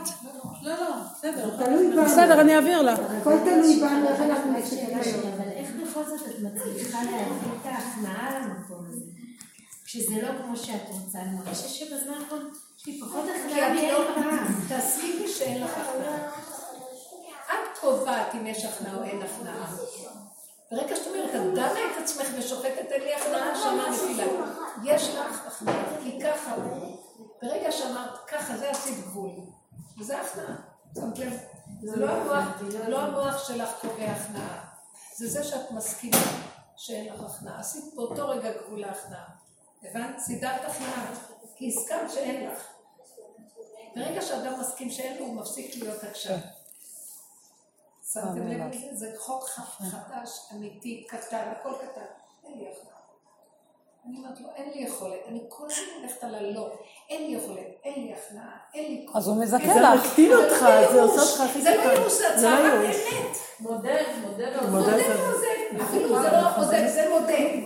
ואין לי כוח. כן, זה אז אתה דרככם מתגלו רחמים. גם אז הוא זה נותן, לא אז הוא נותן. בחוק של השכינה הוא צריך את ההודעה. הזאת. כן, שקורה. חוק השכינה זקוק להודעה של האמת הקטנה. אתמול השתמשתי בזה, היה לנו בת מצווה, אירוע כזה משפחתי, באירוע מלא משפחות ביחד, במקום יחסית קטן, ופתאום הרגשתי מצוקה, בהתחלה הכל היה בסדר, ואז השתמשתי בזה, אמרתי, שכינה יקרה, תעזרי לי להישאר פה נחמדה וטובה, למה אני כבר לא מסוגלת אה, להיות פה דקה. ובאמת, ברוך השם, פתאום השתנה איזה משהו, ונכנס לי איזה חיות, יצאתי החוצה, קצת שתיתי, קצת זה, המשכתי... היא מחיות לנו בקטנה. מחיה, ממש, בקטנה. יש לי חיות. צריכה גדול, קטנה. והרגע מסתדר, ועוד רגע מסתדר. בסך הכל הכל בסדר. למה אני צריכה לקפוץ לגדול ולהיות המפקח הראשי, ולא מחובר לנקודת האמת? זה צער. כי אין לי באמת הכוחות לזה, סתם נדמה לי. זה הבן אדם תלוי על עץ וחושב שהוא גדול. הוא שקרן, זה עמלק, זה המן שאומר וכל זה לא שווה לי, כל היום של למעלה ומתמרמר. הוא חושב שיכול עוד ועוד ועוד. לא יכול. קטן. שם זה חוק אמת מדהים, ולא חסר דבר בבית המלך. זה מדהים, השפע מאליו יוצא, כמו מזריקה, שמתחדשת ושופעת. רק תסכימי, ואל תתני למוח לשפוט אותך של הצדקות, המוח של ה... אה, כאילו המצפון וכל זה, זה שקר. פתאום במצוקה עולים דברים לא טובים, נגיד, את יכולה להקפיד, את יכולה זה, אבל אם את לא מתחברת לשכינה, לא לתת, לא אז זה הכל לא טוב. לתת, ככה וזהו, וככה וזהו, וככה וזהו, ולהסכים ולהודות שאני קטנה ואני לא יכולה, וככה ילדה קטנה. ילדים הקטנים לא דנים את עצמם, לא שופטים את עצמם. הם מקבלים והולכים קדימה. יש להם התחדשות, חוק ההתחדשות. השכינה יש לה חוק ההתחדשות, היא מתחדשת ומשתנה. אין לה אחד ועוד אחד, שזה ההתיישנות, היא לא מזדקנת. יפה מאוד, יפה מאוד. אנחנו שם, רבותיי. מתחיל להתגלות אור חדש עכשיו, לקראת שבועות ירד אור חדש הכלי הזה.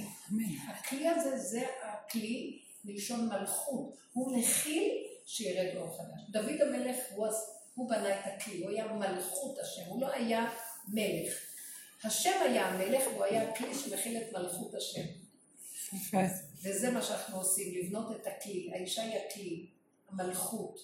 ואז זה ירד אור גנוז חדש. אבל אנחנו צריכים את הכלי. זה דבר יפה. יש פה ידעים. שליח שהוא בלחץ כל כך מלא עם הילדים שלו. איך הם יגדלו? הוא לא ישן בלילה. מה?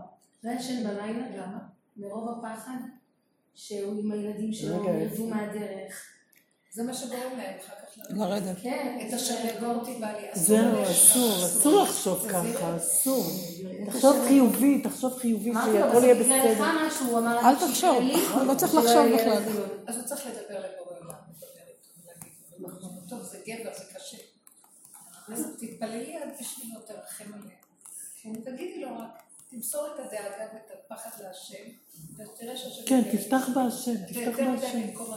כן, הכל על הכתפיים, אני אעשה. אני אעשה. הישות והכוחנות. אז תגידי, יש לי שאלה, אני הולכת למקום עבודה, כאילו, זה נחמד למצוא עבודה בבית, שאני אכיר את בית, בסדר, ואין סיכוי. אבל אני הולכת לדבר, ואני הולכת חילוני, של קיבוציקים שם. זה הכל שם זאת אומרת, זה מאוד נכון לי, שזה בא לך בבחור, איזה צער יש זה בשבילה. קשה, זה קשה לשמור על המקום קשה שלך. מאוד, מאוד מאוד. זה ממש את קשה. צודקת, מי שעובד כי מה בדרך שמסביב זה שלו, כל הזמן מחליש אותי. ממש. אני אומרת לבנות, ובנות אומרות לי את זה. יכול כאילו אמר לי, להיות. זה חצי משרה אני חוזרת, אני צריכה את הפרנסה, אז אולי אני אגיד, אני לא צריכה פרנסה, אני חושבת בבית, כאילו... אני מבינה. כשהבנות בדרך הן מגיעות למקום הזה, אז אני אומרת להן שתי אפשרויות. או שיש כאלה שיגידו, אני, קודם כל הנפש שלי ונגמר לי, השם ייתן לי פרנסה ממקום שטוב לי להיות שם. וזה." או שאני אומרת להם, יש כזה דבר שחזק חזק, ואת אומרת תחינה קדושה, אני לא יכולה להכיל, תעזרי לי.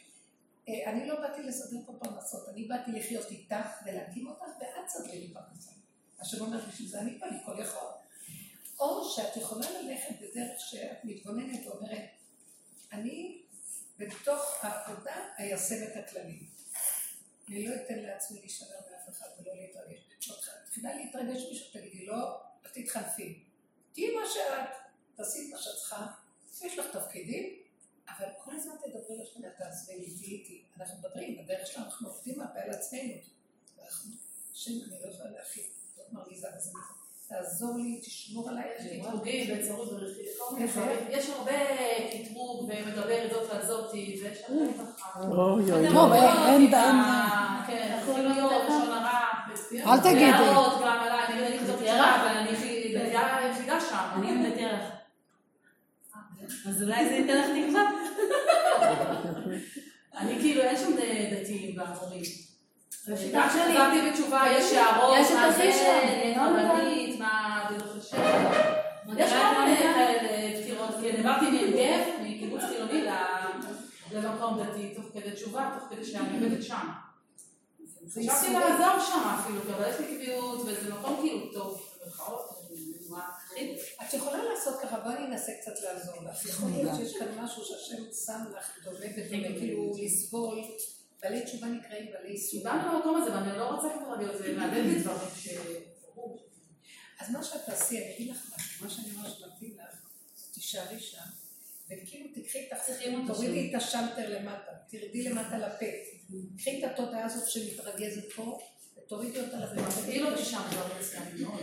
תורידי אותה לפה ותדברי, ותדברי, תגידי השם תשמור עליי, תעזור לי, אני לא יכולה להיות פה, אני לא יכולה לשמוע, תעשה שאני לא אשמע, תעשה שאני לא אראה, תעשה נכון, שלא ירגיש אותי יכול שאני שונה. מהם, תעשה שלא יהיה אכפת לי, תחזיק אותי, תראי שזה יעבוד. תתעקשי תעזרי לה, הדיבור הזה מאוד חשוב, תתעקשו על הדבר הזה, ויכול לקרות כזה דבר שאת תהיי שם ולא תרגישי ולא תדעי, וגם יהיה משהו מעניין שזה משפיע עליהם שהם יפסיקו לדבר. תנסי בכיוון הזה, עד שתרגישי שהגעת למקום שאת לא יכולה. אבל עדיין אני לא מרגישה שעשית הכל כדי לעזור, אל תעזבי. הייתי בקיבוץ בחברה כזאת של הרכילות, לשון הרע וחוסר את סבילות, לא וכל. הדברים שאני לא רוצה, יש לי אותם שם. כמה מתחזקים שם המון. אה? המון חוזרים שם בתשובה. מה זה חוזרים בתשובה? מאיפה זה בא? יש שם את ההתנגדות הכי גדולה. המון, אני מכירה כמה. לא, אני אלה יש שבנו לנו- שם. אה, הם בוגרים. מעט, זה המורים. אולי נעשה שם המורים, איזה בטח בוגרים. המורים. איתם מורים. אולי שם איזה קבוצה ונביא את זה- הדרך לשם, ויתחילו לראות את עצמם. כיתה מסורים פה, בכלל, בשקט. סגרו אותך באבנים. לא דבר זה הדתה, אני בחרדה מהדת. לא, לא, אני. לא מקרינה דתיות. באמת היה זה? גם לא, לא, יש הבנתי, לך- אין לי- המלכות היא לא דתית. תבואי עם הכובע קש. קש אתה? דווקא אתמול דיברתי עם מישהי שעושה שם שיעורים מאוד יפים, שהיא היא הייתה בתשובה, והיא חזרה בתשובה, ואז חזרה בשאלה, יש לה דוקטורט ביהדות, היא עושה שם... אבל היא באה להם טוב כזה. כן, כי היא משלבת כאילו את השירה העברית. משלבת את השירה העברית. אל תדברי. מה שהיא אומרת, המקום מלא. סיפרתי לה עלייך ומאוד התעניינה ונכנסה לאדר, אמרתי לה שזה קו אמצע יעקב ומאוד כאילו מאוד בתוכה והיא מאוד התעניינה ואני יודעת שיש שם התעניינות, זה רק עניין של רגע ומסדרים את הכל ואני ממש חושבת ש...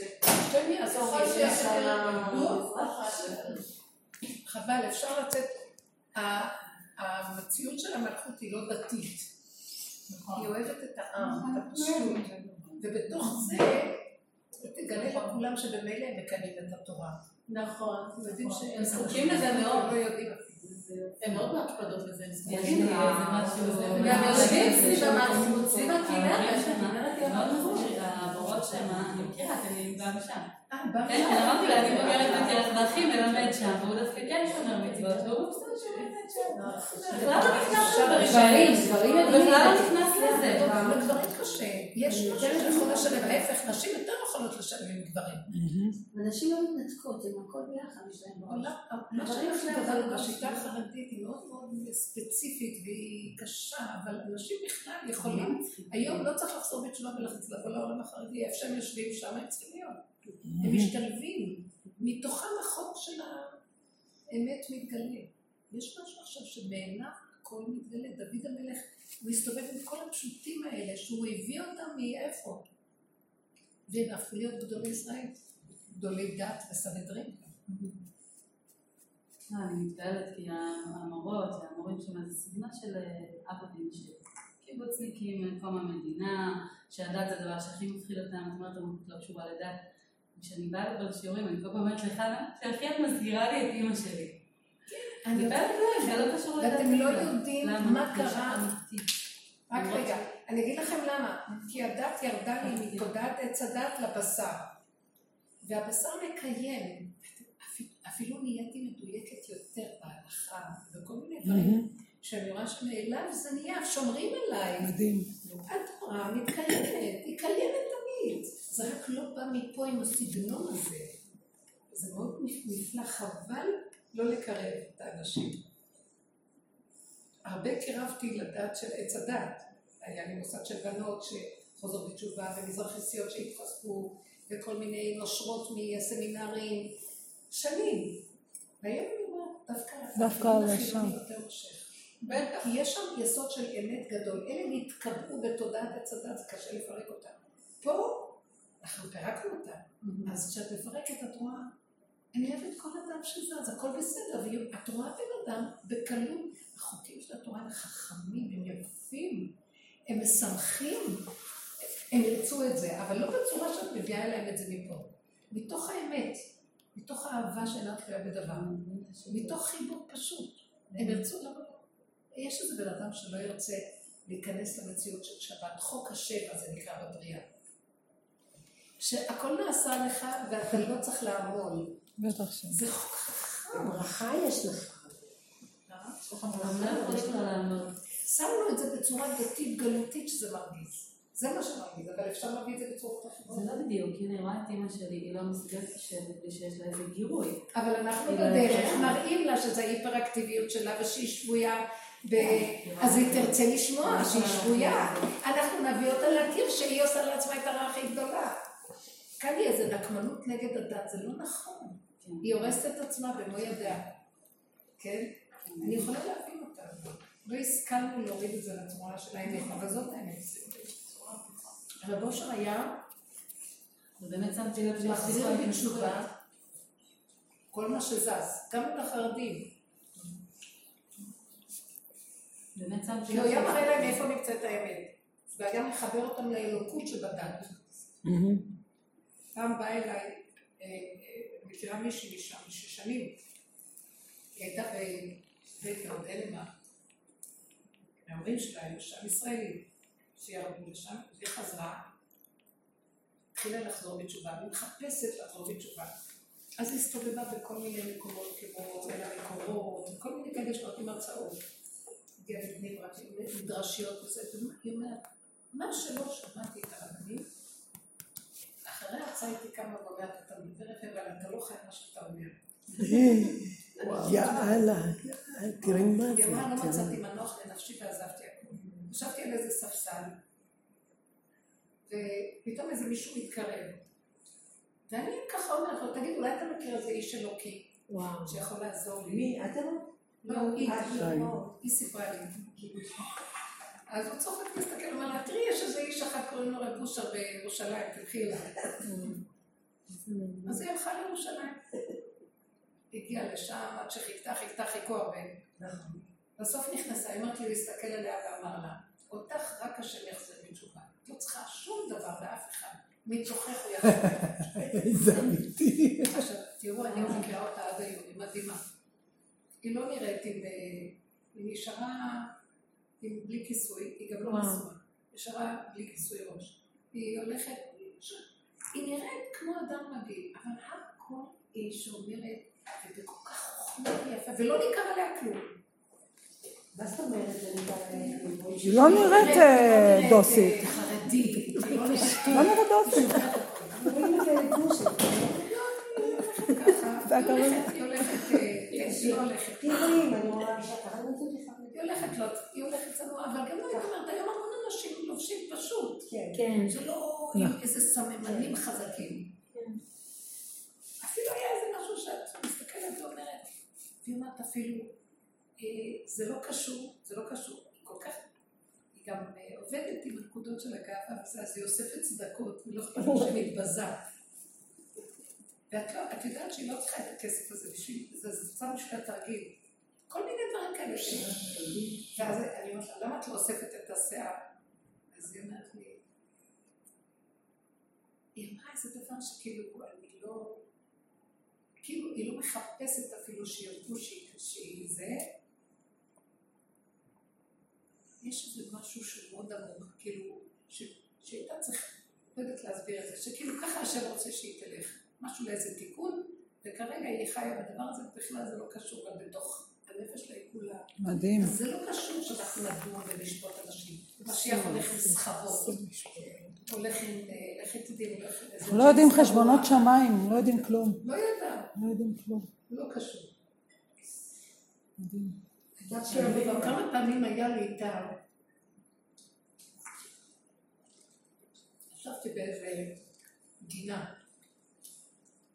קמתי בבוקר, היה לי זמן, אמרתי, אני אלך להתבודד.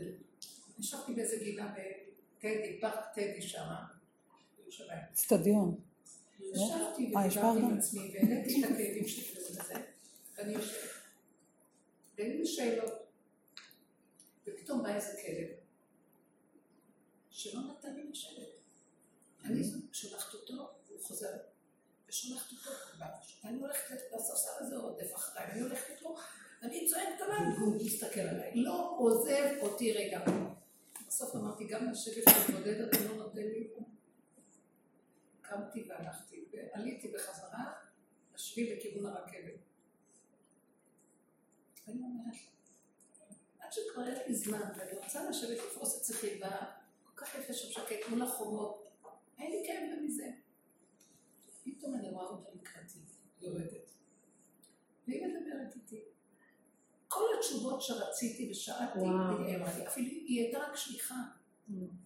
כלי, היא כלי כזה. אין לה מעצמה, ממש. והגעתי למה הכלב הפריע לי, כי אם הייתי ואחרת לא הייתי מפסידה, אותה. תראי מה זה קשה. שלחו את הכלב להפריע לי כדי שאני אהיה עכשיו, כדי שהיא תרד. כן, שהכל הכל היא מדויק. כל כך מתוקה, היא ליוותה אותי אחר כך וקנתה לי איזה כוס אה, כזה, קפה קר כזה, איך קוראים לזה? כן, מי- אה, אייס קפה. טעים, וליוותה אותי ברכבת והכל. ראיתי, היא שליחה לגמרי, אפילו היא לא יודעת, היא לא יודעת, זה לא חשוב, אין אקו שם. זה לא חשוב מי אני, מי את. כרגע זה על הדרך, שלחו אותי לפה, את בדיוק עלית, אני הייתי פה. וואי, הכלב הזה היה שליח גם. וואי, מדהים. זה יפה. אני שואלת שאלה אחרת? אלה אנשים שלהם אושר עובדים באמת, לא סתם אנשים. מחוק להם הנפש, הישות, העבודה האמיתית. מה את אומרת? אני אומרת, יש לך, יש לך זמן לשבת בחוץ ככה ולחשוב מכל מה שאתה יש מה? יש לך יש לך זמן, זמן. את הזמן, את הזמן יש לך? ללכת ולהתבודד. כן, להתבודד. את לא עסוקה כל היום צריכה לעשות את זה. זה סיבה. אין לי הרבה זמן, אני מאוד עסוקה. היה לי איזה, זה סיבה. קמתי בבוקר, בשעה יותר מוקדמת, ואני הולכת לישון מאוד מאוחר, אני חוזרת מאוחר מאוד. ומשהו לא נתן לי לישון, זה היה עוד שש שבע. ואז אמרתי, אני הולך לכותל. פתאום בדרך לכותל ראיתי את הפארק הזה, שזה בכניסה לשער יפו, ואמרתי, פה זה הכותל עכשיו. דברי. יפה. ואז הכל היה סיבות, אחר כך קמתי נסעתי. סיבה. אני תמיד הכותל שלי בבית, בסדר? אני לא אוהבת ללכת לכנסת, אני אוהבת להתפלל פה, הכל בבית. בכל מקום זה דבר. זה לא כיף. אני יודעת, אני מרגישה את זה. זה משהו שהקפיץ אותי, לא הוליך אותי. הכל מת, זה בסדר גמור שזה ככה.